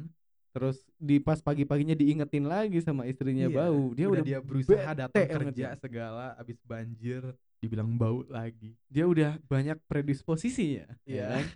penanaman penanaman build up-nya tuh ada. Build up-nya tuh ada dan di situ kan sama Mr. Parknya dibilangin eh ini pas lembur di Mr. Kimnya kan bete ya. Oh iya, iya. Ya Jadi eh, ada adegannya jadi si Mr. Kim ini disuruh ikut kayak skenario ulang tahunnya. Nah, kan. ha, ha, ha. Disuruh jadi Indian ceritanya. ya. pura-pura nyerang si eh, Jessica-nya. Ya. Jessica-nya kan gurunya si ah, kecilnya ini terus Dasong. si- Terus Dasongnya disuruh menjadi penyelamat. pura- ya, pura-pura. Terus si kayaknya udah bete jadi dia kacau dia ngomong ya eh, istrinya bapak lah istri istrinya bapak semangat ya ulang tahun gini suka surprise oh iya iya gini ya pasti ya bapak pasti sayang banget ya sama istri bapak pokoknya kayak Iya, disindir iya. gitu kan ha, ha, ha. disindir si dia langsung berubah ekspresinya gue suka Iya, sih actingnya ah. tuh Iya, actingnya dikit awalnya kan gue ya seneng seneng oh, tiba-tiba langsung berubah Ha. langsung jadi kayak semacam jadi mode bos Iya, ha, kalau ha. gue mau ngomongnya mode bos gitu Iya, iya, iya. Mr. Kim eh, anda dibayar lebih hari ini jadi anggap aja ini kerja Iya, iya, Uh, iya, iya. langsung makin bete dia Iya, iya, iya, iya, iya, iya. sementara itu di atas Di atas ada Kevin yang sedang bercumbu dan dari shotnya terlihat sangat genuine. Entah Iya. kenapa gue jadi enggak si Kevin enggak Kevinnya enggak, tapi Iya. maksudnya shot oh iya maksudnya di luar di luar dari analisa filmnya lah. Maksudnya Heeh. karena gue baru sekarang nonton film Korea kan, maksudnya Iya, iya, tetap kisnya kelihatan genuine gitu loh. Hmm. Pas nonton Kayaknya itu, sama gak sih impactnya kayak lu ngelihat Kiss di film Indonesia gitu iya iya, Ya kan iya, kayak- heeh, heeh. aneh gitu Jadi pas Tidak nonton normal. Pokoknya semua adegan bercumbu di film itu membuat gue ingin bercumbu. Karena jadi dasar lu kalau kalau gue nonton Eh. film Hollywood terus ada yang kissing ya udah gitu kayak Iya, oh, iya, normal klimaksnya kan. normal Hmm. tapi kayak uh jadi pengen bercumbu dan sebenarnya eh si apa unsur seksual ini sebelumnya ya tadi kita nggak bahas sih tapi itu jadi salah satu eh apa namanya titik di ma- titik rencana si Mister eh Mister rencana keluarga Kim ini bergantung dengan sebuah tuduhan seksual terhadap supir yang dulu kan oh iya iya gue pengen bahas itu maksudnya Hmm. kenapa kenapa Jessica tidak disalahkan pada akhirnya ya walaupun ada Hmm. omongan ini Jessica hari pertama hari pertama dia kerja loh Mm-mm. ya kan sudah having sex sama Eh, supirnya Ya, ya, ya. Hmm, nggak tahu ya. Kan mungkin menurut si mungkin menurut si Mr. Mr. Park ini kan sebenarnya orangnya walaupun kesannya bisa ada mode charmingnya, Hmm. tapi menurut gua orangnya sangat termakan egonya lah. ya heeh. Dan yang dia komplain kan bukan si supir ini having sex atau apa. Bahkan ya dia kesel, dia supir ini memakai mobilnya untuk having sex. Iya, Walaupun enggak nih. Dia kira begitu. Tapi dia lebih keselnya adalah dia memakai kursinya dia kan. Supir itu memakai kursinya gua. Kan Iya, ngomong, iya. Kenapa harus di kursinya gua? Kenapa nggak di kursinya dia? Setidaknya lah. Hmm. dia itu jadi hal yang dia tekankan gitu padahal. iya iya iya Jadi iya. dia lebih kesalnya kayaknya soal itu sih. Dia nggak peduli kok siapanya gitu kan. Iya, heeh. eh jadi si Kevin ini bercumbu terus di atas dan Kevinnya terlihatnya bete hari itu Hmm. yang dia eh ya dan dia ngomong yang menurut gua itu tema karakternya dia sih yang dia Apa? ngomong ke si uh, pacarnya ini dia ngomong dia ngeliatin ke bawah kan kayak wah lihat Hmm, semuanya hmm. dandannya rapi semuanya tampilnya sangat eh apa gemilang ya. Terus dia nanya eh aku tuh layak gak sih di sini aku tuh cocok gak sih di sini Nah, kata dia kan cocok kok kan kamu guru bla bla dia nganggapnya cocok tuh misalnya sama gua gitu atau gitu Iya, heeh, sama si pacar ini terus Heeh. enggak maksudnya aku tuh cocok gak sih di di lingkungan ini Iya, dan ngomong-ngomongin lingkungan ya, kita udah ngelihat ini high end citizen banget pas Hmm. para tamu undangan itu datang. Ya Mercedesnya parkir eh apa? Mini Cooper atau apa sih mobilnya? Yang itunya parkiran di situ aja depan Ya, Mercedes gitu loh. Kenapa nggak mobil lu parkir depan mobil gua tapi di sini gitu loh. Tapi harus disebutin brandnya loh. Iya, Ya iya, kan? iya, iya. Mini Cooper kalau nggak salah ya. Anggaplah Mini Cooper Iya, ya. iya. Mini Coopernya itu aja di depan Mercedes. Hmm. Why? Karena mungkin mobil mereka banyak, men. Jadi eh, kayaknya orang yang mobilnya banyak bakal begitu gak sih? Bakal kayak langsung, eh, eh itu kamu bawa Alphard. Kalau kita kan ngomong masih bawa mobilnya gitu. Iya. Lu pakai mobil aja bawa. Kalau mereka bakal ngomongnya lu pakai Alphard. Iya, iya, akan iya. ngomong mobil mobil yang mana. Iya, tapi maksudnya itu itu kelihatan banget gitu loh. Iya, iya, kayak wow. Heeh, makanya kayak gitunya detailnya bagus terus akhirnya si Kevin ini ternyata dia bawa batunya dia ngomong "Eh, mau kamu mau ngapain si pacarnya nanya ya aku Hmm. mau turun nggak usah turun temenin aku aja di sini kita bucin aja bawa bawa bawa nggak aku bukan mau turun ke sana aku mau turun ke lebih bawah lagi uh. jadi udah ada tension langsung I'm going under when this time I feel. Oke, Oke. udah, udah. Terus turun dia turun. Eh, sementara itu si Jessica sama ibunya lagi berbincang kata si ibunya kayak eh eh itu coba cekin di bawah kan. Bawain makanan sekalian ke bawah ke basement takutnya ya. kenapa. Ah. Mereka nggak tahu bahwa si istrinya udah mati sebenarnya kan. Eh si si si istri dari ya si pembantu rumah tangganya udah mati Iya, ha, ha, ha. Terus akhirnya pas mau ke bawah keburu dicegat lah si Jessica karena mau ikut skenario ini Ya, sama Miss Park. sama Miss Park. Terus akhirnya si Kevin lah yang turun membawa batu. Terus mungkin eh dikasih komedi lagi dikit, batunya jatuh. komedi tegang lagi. Iya, iya, ya, komedi tegang. Dan reaksi kita sama kayak persis kayak si Kevin. Iya. Cuman kayak ini nggak ada suaranya Oh, tapi iya, kayak teriak tapi nggak ada suaranya lah. Coba bayangkan Ngeden, aja deh. ngeden. Ngeden. Nah, itu dia. bahasa. Sundana Kayak- ngehujut. Heeh, tah itu kayak urat leher teh "Huh," gitu kan. Clench gitu. Kegel. Ah, terus akhirnya ke bawah Ah. dilihat sudah ada mayat mayat istrinya Iya, dari Dan Kevin tiba-tiba- kayak Eh, ya Kevin. mayat istrinya sebagai misdirection. hmm, tiba-tiba dari belakang set dikait pakai kawat atau apa lah ya Iya, ha. Terus akhirnya di si suaminya ini udah mau ngebunuh si Kevin ya menggunakan batunya Iya, singkat cerita Kevin lari ke atas seakan-akan bisa kabur tapi ternyata pas di atas jatuh ya dia apa kepleset? jadi pas di atas tuh dia lari kan dia tuh di pakai kawat itu iya, panjang ke ha, bawah ngejuntai ha, kayaknya si kawatnya tuh diambil ujungnya diambil atau kes- kesangkut gitu ya? Iya, iya, Heeh. antara dua itu kan atau mungkin kesangkut itunya nggak sih Iya, iya, iya. yang Kalau nggak pemutarnya salah, ya? kalau nggak salah ada scene kesangkutnya nggak sih? Kesangkut pemutarnya itu Ada kan? diliatin Oh, si kalau yang kesangkut itu pertamanya kes- disangkutin kan Heeh, ke heeh. pipa. Terus Dia berhasil lolos dari situ, dia Heeh, lari. Kayaknya pas di atas nyangkut ke si pemutar untuk Mungkin ya, heeh. lemarinya. Ceret nyangkut. Ya udah nyangkut, jatuh, tidur, telentang. Suaminya datang, cedar. Dua. Gua kira mati loh di situ. Ya, dan ini gue mau ngomongin karena eh ada gue film ini menurut gue film yang bisa dibilang sempurna dalam artian flawless lah. Maksudnya ada hal-hal kalau secara objektif flawless gitu nggak sih? Secara ya. produksi, secara Heeh, pembuatan flawless menurut gue. Heeh.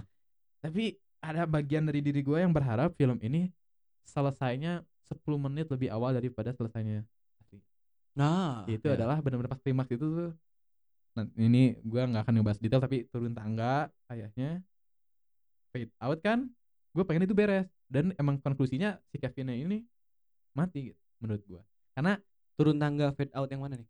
abis si ayahnya ini klek, eh, Oh, iya, nah itu turun tangga kan keluar dari rumahnya Heeh. dari rumah si orang kaya itu terus kan Heeh. langsung fade out kan ke fade to black. Iya, iya, iya. gue pengennya di situ selesai. Karena menurut gue itu titik terpuncaknya. Jadi benar-benar selesai itu benar-benar kayak cuman Iya, iya, iya. iya. dan si Kevin ini gue berharapnya mati karena menurut gue dengan si Kevin nanti ini ya spoiler tapi Kevinnya ternyata hidup Nah, kurang si impact dari kaget si Kevin dipukul pakai batu ini jadi hilang menurut gue ada yang, Ya. ada yang hilangnya ketika lu tahu ternyata dia selamat gitu iya, iya, iya, iya, iya, iya, iya. kalau iya. dia mati lebih bakal wow Ya, oke. Jadi dipukul, terus si suaminya ini lari Mhm. lagi ke atas kan. Ke dapur, kebetulan rumahnya dalam rumahnya udah kosong kan karena Ya, udah udah lagi, celebrate the eh, party di uh, di outdoorsnya kan di halaman depannya. Akhirnya si suaminya ke dapur ngambil pisau, jalan ke depan. Pas udah keluar pun masuk pintu belum ada yang notice kan di Iya. paling belakang kan. dan gue suka nggak ada build up musik nggak ada apa lah bener-bener cuman Iya iya iya iya. tek tek nih Emang situasi dong. terus kayak ngik musiknya masih musik birthday Mm, mm, mm, terus tiba-tiba suaminya teriak kan? eh ya jadi tuh suaminya eh, enggak ya gue pokoknya itu adegannya kan chaos banget ya adegannya kayak Jessica itu si Jessica-nya jadi si si istrinya ini kata-kata terakhirnya adalah nyuruh suaminya ngebunuh si eh, eh si istri dari Mr. Park eh, Mr. Kim ya, kan? karena dia yang nendang kan tapi entah kenapa si suami ini malah nyerangnya ke si Jessica ya, ha, kayaknya mungkin mungkin keluarga Kim pertama yang dia lihat Jessica jadi dia langsung serang Jessica karena emang Jessica Bertepatannya- Jessica di tengah gak sih? Iya, di tengah Iya, lagi iya, bawain kue lagi kan. jadi eh, lagi jadi pusat perhatiannya lah ya. Eh dan si apa namanya? Kita coba kita coba telaah. Kita telaah.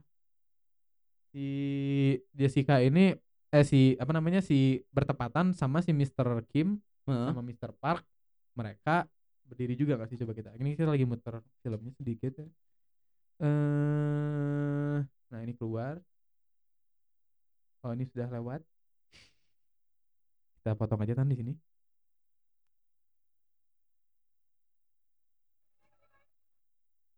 oh jadi ini keluar Jessica tiba-tiba dia langsung lari nyerang Jessica Yep. Jessica-nya me- meng-counter attack dengan kue Dan di stepnya pas ke jantung. ya Dan pas di sini kaget kaget itu cewek, duh crush gua di film ini. Iya. Step to that. Menurut gua film ini momen ini benar-benar kayak film Tarantino gak sih? Iya iya iya. kayak tiba-tiba si violence tuh cuman Iya. beres. Dan life is meaningless sudah di scene yang ini. Iya ya benar-benar eh dan ini benar-benar Jessica ditusuk eh Jessica-nya pingsan, mesinnya jatuh, kolaps dan Hmm. anaknya pun kolaps karena ini tadi kita belum cerita anaknya ini pernah bertemu dengan suaminya Iya. dan anaknya mengiranya ini hantu. Iya. Dia anaknya mungkin PTSD atau gimana, kejang lah. Iya iya iya, PTSD dan entah ya kejang ini efek dari apa ya? Kalau PTSD kan reaksinya beda-beda ya. Ada yang Hmm. ketakutan, ada yang Hmm. shock, panic attack. Tapi kalau kejang-kejang ini nggak tahu. ya. Nah mungkin anaknya punya epilepsi juga. mungkin ya terus ya chaos berteriak eh, ada oh ada satu orang kaya yang di eh, apa di slash juga Ya di slash juga dengan suaminya. Dan- Pak oleh suaminya. dan gue suka banget sih ini eh eh, karena selama film ini dibuatnya rapih gitu kan strukturnya rapi Iya, shotnya iya. rapi. di sini Ha. langsung chaos pakai tangan geter-geter kamera. ya Ha, langsung ha, jadi kayak kerasa banget kayak oh shit kayak chaosnya langsung buat meledak Iya ya. Eh, terus Gue eh, emang di di scene yang ini gue nggak tahu harus nafas atau nahan nafas. Gue bingung kayak emang chaotic sekali. Iya. Terus akhirnya si ibunya, si Chungsok berarti namanya, si ibunya Chungsok ini lari membawa tomahawk. Karena si ibunya ini gue sukanya di di setup ibunya atlet, tapi pelan-pelan. Ibunya atlet. Ibunya ibunya tuh atlet kan. Lu nyadar gak sih? Oh iya iya iya. iya. Ibunya ha. pertama di rumahnya itu ada shot atlet ibunya yang menang lempar apa lempar ya? sakram kan. Udah gitu pas di rumah mereka pertama kali menghabiskan waktu di rumah, ibunya latihan lempar lem- sakram. Terus pas ngomong sama ayahnya kayak ah kalau kita berantem asli lu bakal kalah gitu. Pas Iya. panco aja dia kalah gitu ha. Jadi di sini diliatin ibunya bisa melawan si pria ini Iya. dan langsung menyerang. Dan di sini punya singkat cerita eh, banyak yang pingsan dan lain-lain. Ini di breakdownnya harus cepat banget sih ini. Eh, dan di sini gue suka ngelihatnya si si Mr. Kim sadar bahwa di situasi seperti ini nggak peduli gitu orang-orang kaya ini gitu ini sih Iya. mereka akan lebih memutuskan untuk kabur tidak ada yang ngebantuin orang yang ditusuk di sana Iya. Nah itu yang gue suka tadi ya. Hmm. Yang orang kaya ini yang peduli itu cuman pacarnya si Kevin. Iya pacaran. Tapi peduli karena dia melihat Kevin sebagai setara dengan dia kan. Iya iya iya. Dia iya. tidak tahu apa-apa tentang. Iya iya iya. Eh, dan menurut gue sih interestnya juga seakan-akan ada komentar tentang generasi juga gak sih kayak si keluarga kayaknya keluarga si Kimnya ini eh, hubungan dengan si keluarga Parknya yang muda anak-anaknya si Jessica dan Kevin lebih setara diperlakukannya kan maksudnya Hmm. mereka tidak dianggap kelas bawah karena Iya. ya dianggapnya mahasiswa Karena emang iya disguise-nya pun sebagai Iya, mahasiswa kan. mahasiswa dan lain-lain. Nah, jadi mungkin seakan-akan kayak komentar semakin lu berumur semakin lu susah untuk disguise. eh, untuk enggak untuk escape dari eh, untuk keluar dari status sosial status ekonomi lu gitu status Iya. sosial lu ha, gitu ha, ha, kalau anak kecil kan masih ada kisah eh apa siapa namanya tuh yang ah apa anak singkong anak singkong buku tuh duluan. Oh, Hairul Anwar. Ya, Hairul Anwar itu Iya. kan kayak gitu-gitu kan. Maksudnya Hmm. ada lah si ceritaan Iya, Rais eh, anak anak muda. Dan gue lihat eh, sukanya pacarnya si Kevin ini inosen banget gitu loh. Maksudnya Iya, entah eh. ya. Tadi di saat pacarnya si Kevin ngebawa ngegendong si Kevin yang Hmm. kepalanya udah Hmm. begitu. Itu chaotic dan chaos dan somethingnya tuh dapat gitu. Iya, iya, iya, iya. empati untuk pacarnya Kevin dan Kevin kayak wow wow wow wow wow. Iya, ini gitu loh. semuanya ada yang tadi satu shot yang benar-benar cuman tiga kejadian di shoot dalam satu dalam satu detik kayak cuman kayak ngeliatin si eh, ibunya lagi berantem sama ini Hmm. sama si suaminya si suami yang pembantu Hmm. Geser lagi si anak pingsannya lagi dibawa sama ayah sama si ibu Hmm. Mr. Park terus dilihat lagi digeser ke orang-orang lagi kabur gitu Dan chaosnya wah dan anehnya ya, ini yang bikin ini film ini magic ya. Tadi kan lagi chaos ya. hmm. Tapi yang Bong Joon Ho ingin ingin perlihatkan ke kita kena Hmm. semua. Iya. Bahkan di crowd yang harusnya kan blend sama crowd tuh, si Kevin yang digendong sama pacarnya. Iya, iya. Itu kan crowded sekali. Hmm. Tapi dengan apa durasi kurang dari satu det- satu detik, kita bisa notice kejadiannya gitu loh. Iya. Itu kan teori ini men, teori NPC. Kalau di game ketahuan yang NPC mana, karakter mana. Alright. Oke. Nah, di sini titik pentingnya adalah di sini. Jadi ketika si Mr. Kim ini lagi eh, ngerawat si anaknya yang baru ditusuk ya, Hmm, ditekan hmm. lukanya. Si bosnya, Mr. Park tuh nyuruh-nyuruh dia cepet ngapain Mr. Kim ngapain lu Ya, bahwa ada orang mati di sini Iya, gitu kan. ngapain buru cepet Di sini ambil ambil Kita ininya." elaborasi ya, Mr. Kim itu lagi neken lukanya Jessica, ya, ya ya. kan? ngapain nggak ambil ambil kunci mobilnya cepetan tapi di sini sebelumnya di setup juga bahwa emang si, si ibunya pernah ngomong bahwa anaknya ini kalau kejang 15 menit tidak diatasi fatal Iya, heeh. jadi nggak kita tetap fair ngerti nggak sih tetap kita ngerti kenapa keluarga Park ini panik juga kan Iya. Dua-duanya emang dalam life and death situasi situation. iya, dua-duanya sedang menyelamatkan anaknya nggak sih Ah, sebenarnya ah, ah, ah, ah. jadi nggak bisa dijudge juga gitu tapi akhirnya di sini eh karena si Mr. Parknya udah nggak sabar jadi disuruh dilemparin kuncinya Iya. dilempar dan saat dilempar, set nah, ya perkelahian antara si istrinya Mr. Kim dengan eh, suaminya pembantu lama. pusing berlangsung dan akhirnya di sini menanglah istrinya istrinya, Mr. Kim ditusuk di pinggangnya di pinggangnya menembus ke pi- pinggang ke satunya lagi ginjal, ke ginjal ke iya. dan si Mr. Mr. Park ini baru pertama kali bertemu tapi si si suaminya udah kenal banget Mr. Park karena dia menyembah Mr. Park gak sih sebagai sosok Iya ya itu itu yang dark banget di bawahnya. Gua Iya, kira iya, lampunya itu kan sensor ya, naik Ya, tangga nyala. iya. Iya, itu gua lupa ternyata ngomongin. Dan lampu ini nih dari Heeh. awal selalu lu ngelihat lampunya terus dari awal Iya, kayak ketika Mr. Park pertama kali dikenalkan Heeh. dia datang ke rumah Heeh. lampunya juga gitu Iya cetak, kan, cetak, kayak cetak. sesuai langkahnya Mr. Iya, Park kan. kita take for granted aja oh set motion sensor gitu Iya kan rumah ternyata canggih. behind the scene-nya adalah Ternyata. literally ada kayak ibaratnya kayak ada orang yang kayak ada hamster yang di roda yang Heeh. nge-power rumah ini gitu Iya, heeh. ibaratnya. Jadi sebenarnya menurut gue itu aspek yang lebih apa ya? eh, analogi yang lebih dibuat jadi literalnya itu sih kayak orang-orang kayak ini hidup tuh atas support orang-orang yang di bawah. Iya, iya, iya, iya, iya. literally gitu. Kalau nggak ada mereka nggak akan ada yang ngebuat listrik, nggak ada yang kerja di pembangkit Iya, listrik, nggak ada yang kerja di pabrik apa, nggak ada yang jadi Ya, tambang. gimana itulah sistem kapitalis ya. Iya, kapitalisme. Terus eh, respect jadi meme ngomong gitu dia. Dan ketika Mr. Park ngambil kunci dari bawah si suaminya ini, Mr. Park kebauan. Dan dia nyium dia- hidung. Dia nyium, dia nutup hidung dan dilihatlah sama Mr. Kim dan Dan Mr. di Kim ini langsung langsung apa namanya meledak, momennya. explode semua sakit hati yang Ya, direpres pisaunya dan ditusuk saja. dan kita kayak komentator bola. Eh, dan di sini menurut gua apa ya? Gua nonton ini udah empat kali. Pertama di bioskop. Eh dan di di bioskop dengan teman-teman eh exco gua, exco film. Jadi Hmm, hmm. emang interest lah ya, dengan film ya, ya. Jadi ha. ketika itu eh semua on board dan semua mengikuti film ini dengan sempurna. Aha. eh yang kedua, gue sama pacar gue, eh dia lebih nggak interest film. Dan I wish dia I have one. ada Alright. kebingungan juga Hmm. dengan ini. Hmm. eh Kenapa dibunuh? Iya, Ha, ha. ketiga pun begitu. Gue nonton sama Ah. keluarga gue. Ah. Eh, terus akhirnya pas ketiga dibunuh, bingung semua. eh cuman ayah kita aja kan yang menangkap itu. Eh, entah mengapa ya mungkin lebih lebih ayah kita kan kerjanya di ekonomi ya. Maksudnya berhubungan dengan ekonomi jadi mungkin lebih kayak uh ada faktor pembahasan ekonominya lebih kena mungkin. Ya ya ya ya.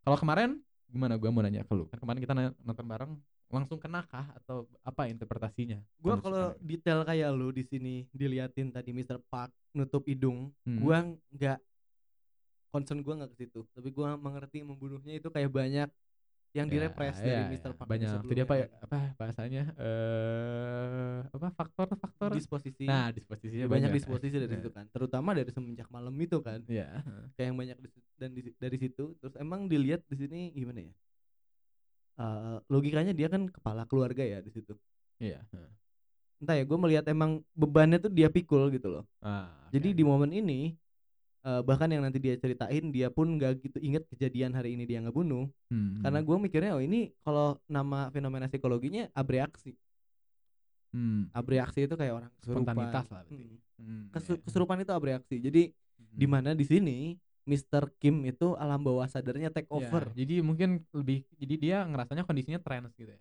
iya iya iya jadi di sini Mr. Kim itu gua eh, ngapa ya kalau fenomenanya alam bawah sadarnya take over dan semua keinginan dia yang direpres sakit hatinya dia yang direpres langsung explode di sini Iya, iya.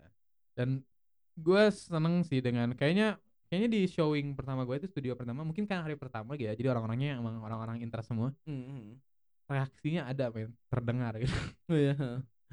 Wah, gitunya tuh ada dan gue paling suka kalau di bioskop udah kayak gitu. Dan ya, ya gue emang menurut gue sih momen ini either your either apa ya antara semuanya ngeklik buat lo film Hmm, ini hmm. atau ya mungkin lu bingung gitu tapi kalau ngeklik rasanya puas banget gitu kayak satisfying tapi satisfyingnya juga bukan gara-gara akhirnya dibunuh tapi satisfyingnya dalam artian ada yang lepas secara tematis ngerti gak sih kayak Iya iya. heeh. kayak si konflik sosial ekonomi ini lepas semua di sini gitu langsung kayak Iya. jadi heeh. semacam di sini tuh mulai gimana ya? Udah bias. Hmm, Satu sosial tuh di sini udah bias. hmm. Ya nggak sih? Maksudnya di semenjak stabbing pertama udah bias, ya, ya. ya kan? ya akhirnya udah dia menurut gua mungkin setelah ini nah gua pengennya film ini kenapa gua pengen film ini selesai di sini karena se- setelah ini bisa dibilang koda ya nggak sih Apa? setelah ini koda tahu koda Koda tuh di, apa, di cerita koda tuh mungkin kayak kalau lu cerita fairy tale misalkan ada Mhm. endingnya ada Mhm. kayak akhirnya mereka eh, misalnya eh, akhirnya si eh, si eh, si pangeran pun menyelamatkan putri dan mereka kembali ke istana dan mereka pun akhirnya menikah Bahagia selamanya. tapi nah ntar bakal ada kayak eh, akhirnya sem- semenjak itu kerajaan ini pun eh, apa eh, di, dipimpin oleh pangeran dan putri yang dermawan. Dan mereka pun hidup damai itu kok ada Oh, kayak iya. semacam wrapping story-nya. Jadi kayak akhirnya ke depannya seperti apa. Sih? iya, dan gua menurut gua film ini bakal lebih kerasa powerful endingnya kalau tanpa koda tanpa ya. koda jadi benar-benar lu nempel aja ini ending si si si benar-benar adegan terakhir tuh ini gitu. Hmm, hmm, hmm. karena ya kodanya mungkin gua nggak kita juga nggak usah perlu bahas banyak lah. Karena intinya setelah ini si adiknya Jessica meninggal Iya. karena pendarahan sedih gitu bar terus eh eh, si iya, istri dan si Kevin eh, Ah. si ibunya ibunya Ah. dan Kevinnya di masa percobaan ya masa percobaan pengadilan eh, Karena kasus penipuan. kasus penipuan ini bukan pembunuhan ya Ya. yang dicari pembunuhan adalah ayahnya tapi ayahnya menghilang dan setelah berapa lama kita ngikutin ternyata ayahnya ini Dia nggak lari ke mana-mana. nggak lari ke mana-mana ayahnya menggantikan posisi si suami Iya. pembantu Heeh, menjadi sebuah parasit lagi Iya, iya, ini ini kerennya di sini sih. Iya. makanya. ya itunya keren sih Iya, itunya iya. keren sih gue suka sih Da- dan di sini terakhirnya mungkin eh, ayahnya dia menulis surat ke si Kevin menggunakan Menggunakan- morse di lampu tadi karena si suaminya ini juga di bawah tuh pakai morse ya berbicara Iya. dengan si anak yang pramuka. Gue sukanya semuanya tuh nyambung kan sih? Iya, iya. anaknya iya, pramuka jadi nyambung ke sini. Anaknya suka Indian jadi gini. Anjingnya tiga namanya Fufu ini ini ini. Yang tahu itu cuma pembantunya. Jadi pas pembantu yang yang dulunya datang dia ngebuktiinnya dengan di atas monitor pintu ada foto anjing Fufu ini ini. Semuanya tuh nyambung gitu langsung oh, oke keren. Eh dan di situ akhirnya ditulis surat ayahnya ngomong bahwa ya ayah tinggal di sini dan bla dan si anaknya akhirnya menulis surat lagi bahwa anaknya ini dia akan menjadi sukses dan dia akan membeli rumah ini suatu saat nanti dan pas Iya. dibacain surat ini kita melihat anak itu menjadi sukses dan Ternyata lu tertipu lagi. atau tidak tertipu Kenapa? apakah lu tertipu atau lu udah skeptis dari awal ini sebuah ilus sebuah imajinasi Sebenarnya- 50-50 sih. Iya. Maksudnya skeptisnya karena masih ada prolognya. Oh, oke, Eh oke. masih ada prolog, apa, dia- masih dialognya. ada- Nah, ya. Anak ini kayak ah, Iya sih, gitu iya loh. sih. Eh gue mulai tertipu ketika emang udah benar-benar nggak ada dialog, terus ayahnya keluar, terus mereka berpelukan, Heeh. fade to black lagi, ke sana mau udahan lagi filmnya. Ternyata belum, masih ada 10 detik lagi, 15 detik Iya. lagi. Anaknya, Terus kalau pakai common sense, cuma Hmm. pakai common sense doang maksudnya ya nggak mungkin lah secepat itu. Anaknya kan masih muda, ibunya masih at Iya. same age gitu. Iya mungkin cepet iya kan. Kalau common sense kan nggak gitu kan. Hmm. Dan ya menurut gue sih bagusnya endingnya terbuka gak sih? Maksudnya mungkin aja itu ya, itu kenyataan. Mungkin aja itu kita flash forward. mungkin. Ya. atau mungkin imajinasi aja tapi kan tema-tema yang akhir-akhir gue batuk dulu tema yang sering dibawain di akhir adalah anaknya waktu di penangkaran nanya kayaknya eh jadi ya kita rencananya apa Iya. kata si ayahnya ya rencana kita adalah untuk tidak punya rencana karena kalau kita punya rencana dan rencana itu tidak terlaksana berarti ya akan terjadi kegagalan gitu nggak sih jadi iya. mendingan gak punya rencana jadi apa pun yang terjadi itu bukan sebuah tuh kegagalan Kayak, wah wah Iya, Gila, iya, itu iya. merepresentasikan banget mentalitas kebanyakan orang di kelas itu gak sih kayak banyak yang menerima nasib aja Gimana nanti? gimana nanti Heeh. dan gak salah mereka mikir gitu karena emang sistem ekonomi yang sekarang banyak ada itu emang sangat tidak memungkinkan untuk seseorang bisa naik dari strata itu gitu susah untuk orang bisa Iya, iya, iya. manjat ekonomi dengan pesat seperti itu Dan emang mau dibahas buku dikit nggak? apa silakan Kalau di buku yang Yuval Noah Harari Sapiens itu Hmm, emang hmm, dibilang status sosial, status ras hmm, itu tuh hampir mustahil untuk dirubah gitu loh. Kemungkinan sangat kecil. ya ya Kayak kita contohnya ya, contoh ya black people misalnya ya. hmm, Black people eh di dulu stigmanya black people itu unintelligent. ya huh, Struktur otaknya beda, nggak pinter. ya Terus kasusnya dibilang rasis kan. Akhirnya Iya. status ras ini ingin dirubah. Oke, mereka dikasih edukasi yang sama. hmm, Tapi karena udah puluhan atau mungkin ratusan tahun tidak diberi edukasi, hmm, jadi mereka untuk adaptasi ya, lebih susah daripada yang sudah sering diberi edukasi, ya kan? hmm, hmm, Akhirnya mereka di stigma lagi, hmm, di, sti- di stigma lagi, mereka tidak teredukasi. Mereka emang bodoh, emang ras bodoh ibaratnya. Akhirnya ya, banyak eh, institusi pekerjaan yang tidak ngerekrut mereka karena Hmm. stigma mereka bodoh. ya, Nah, ada lagi ya, mereka dibilang rasis lagi. hmm. Akhirnya dikasih edukasi lagi. Terus aja Hmm. gitu. Jadi Ya, emang ya, vicious circle. Dan untuk status sosial gini, emang gimana ya? hmm, Anak singkong, Hairul Tanjung itu satu di antara berapa orang susah yang sukses. ya kan? Iya, iya. Sedangkan generasi sorry itu saya sebenarnya generasi orang kaya ya akan terus-terusan jadi generasi orang kaya, ya nggak sih? Iya, iya. iya. Generasi middle class sangat jadi generasi maksudnya middle class. apa ya? Eh kalaupun ada orang kaya yang misalnya anaknya dia ketika diwarisin ternyata anaknya memang tidak sama seperti ayahnya lah. Misalnya Hmm. anaknya tidak bertanggung jawab dan lain-lain. Akhirnya perusahaannya bangkrut atau ya bagaimana lah atau lepas tangan dan bagaimana. Tapi sebagai dia lineage-nya kaya, dia Mm-mm. akan punya koneksi, dia akan punya privilege selain Iya. uang, selain eh ya selain monet, monetary, selain Heeh, selain heeh, fisik heeh. itu dia punya privilege sebagai ya, gua anak orang kaya itu bakal terus dibawa gitu. Iya, Nepotisme heeh. lah. Nepotisme itu simpelnya itu kan. Dan mungkin kayak di Korea, kalau gua nggak tahu istilahnya tapi ada sih kayak kalau mungkin kalau gua taunya kayak di Chinese itu kan ada perbedaan ya antara kayak yang bahasa Mandarin, Ya. Tionghoa dan Hokkien tuh ada sesuatu di situ gitu. Gua nggak tahu. Di Inggris pun ada yang namanya kalau di London lu ada yang namanya posh, ada yang lu namanya eh, Cockney. Hmm. Nah, kalau posh berarti yang Birmingham yang kayak Oxford ngomongnya benar-benar Iya. yang oh it's lovely day is it? It's not nah, gitu. Iya, iya, iya. Kalau yang Cockney itu yang benar-benar di pop, yang benar-benar Jason Statham lah yang ngomongnya benar-benar kayak oh li, listen up, right? You you fuck up," yang gitu. Nah, itu itu bukan Cockney. Jason Statham. Ya itu Tom Hardy. Iya. Tapi ya seperti itu gitu. Iya, iya, iya, iya. iya. Eh, menurut gua sih Parasite jadi endingnya terbuka untuk interpretasi dalam artinya mungkin ya kalau gua tadi saran gua nggak ada kodanya mungkin pesan itu nggak kes- kesampaian ya Iya. jadi ya mungkin emang pinter Bong Joon Ho untuk mem- memutuskan ini Tapi dipakai ya maksudnya mungkin kodenya itu untuk penambahan pesan kan. Hmm. Tapi tanpa koda pun endingnya akan tetap berbentuk open ending. Tapi sifatnya lebih nihilis nggak sih? Iya iya. lebih kayak ya emang emang emang fakta emang semuanya fakta. Kalau ini kan endingnya kayak ya mungkin ada potensi untuk bisa. Dari sehope.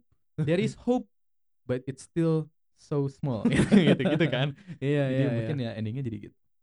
Kayaknya nggak usah dirangkum lagi sih kita udah mencakup semuanya. Ya kita udah ini kayaknya mungkin ini satu-satunya podcast yang every detail di movie-nya kita Iya, iya, bahas iya. nggak sih? Hmm. Kayaknya gue nggak pernah ada denger di yang episode Marriage Story gue juga sejam lebih karena cukup kronologis lah ngebahasnya kan biasanya gue ngebahas tema secara walaupun tapi biasanya temanya juga dikaitin ke ke plotnya tapi ini Ah. kayaknya benar-benar setiap bukan plotnya doang benar-benar detail shot moment Iya, edit. yang ya, ngedenger yang ngedenger harus lihat ekspresi Nathan pas ngomong detail shot anjing. detail. Ya, Nah, ya, anehnya ya hmm. anehnya. Ini pot Frivolous Mind podcast dan Cinema Live, Cinema Live podcast mau ending mau mau udahan. Mhm. episodenya makin seru. Ini seru kan ini makin seru tuh biar ngetis ngetis ke yang berikutnya ya oke Nah, kalau mungkin eh ya ini udahlah pada saat udah terlalu banyak diomongin. Eh untuk ke depannya, hmm. gua kayaknya mau bakal ngebikin semacam announcement juga kecil lah, Hmm. video pakai HP aja maksudnya, buat Hmm. dipost di Instagram episode Hmm. ini. Jadi biar orang-orang sebelum pas orang lihat eh, episode ini launching, gua ada warning dulu bahwa ini episode terakhir. Gua tahu ini dua jam ini episode terakhir sebelum eh nanti. Ah? Gua jelasin dulu. oke Ini kemungkinan ada episode terakhir, kemungkinan besar. Alright. hampir yakin lah ini episode terakhir. hmm. Tapi eh, nanti akan ada satu episode lagi, yaitu adalah episode yang membahas tentang Coin Awards. Jadi buat kalian yang follower ratusan pasti udah tahu Coin Awards. Kemarin gua udah banyak eh, banget nanya-nanyain di story pilihan kalian semua. Udah dapet pemenang-pemenangnya. Ya, pemenang-pemenangnya udah dapet eh, pilihan-pilihan best actor kalian, best actress kalian, best director dan lain-lain. Nanti eh, ada akan ada episode podcast yang membahas semua nominasi dan semua pemenang yang gua bersama tim ratusan sweet. yang admin-admin yang lain akan Admin-admin hadir yang semua. lain. Admin yang lain admin admin yang lain memang ada berapa admin ya? ada tiga. Ah, Tapi mungkin mereka sekarang udah jarang nge-review tapi ntar gua bakal kumpulin lagi one last time, one last ride. Hmm. Eh, It's been a One last long ride untuk day. episode Mara- Cinema Live terakhir gua bakal umumin ini ntar di depan di depannya. Alright. Eh, setelah itu gua dan Bara akan memulai sesuatu yang baru, A fresh start. fresh start dan ini sangat exciting dan kalian harus terus eh apa namanya ikuti terus di Maratusan karena gua Iya. bakal ngomongin juga di Maratusan tentang hal ini. Intinya bukan hanya podcast ini yang bakal berubah, Maratusan pun account Maratusan akan berubah. Jadi ya Dan exciting lah. Exciting news untuk ke depannya. But in the meantime, enjoy our episode. Yes. last episode. Eh, ya boleh di like, subscribe, And comment. dan komen. Eh, makasih udah ngedengerin satu Tutupnya pengen 50 pakai Gua nge-rap nggak? sebentar dulu. Makasih udah ngedengerin satu jam 50 menit. Eh episode ini paling panjang. Eh eh, oh ya, eh, share juga hal-hal kecil yang kalian temukan di Parasite karena menurut gua kayaknya gua bakal terus nonton Parasite dan akan terus menemukan hal baru kayaknya. Iya. Eh jadi ya itu dia episode eh Frivolous Mind kan. Cinema Live Podcast Iya. yang tentang Parasite. Eh gua Nathan Gua Bara. dan sekarang Bara ingin closing dengan rap. Silakan Alright. Bara. Alright, Nathan, bring it in. Oh, gua beatbox. Yeah. Okay. Ah. And now the day bleeds into nightfall. And you're not here to get me through it all. I Let my guard down and then you pull the rug. Because I'm getting kinda used to being someone you love. Ah. Ah. Ah. In three, two, One. one. Ah. Thank you.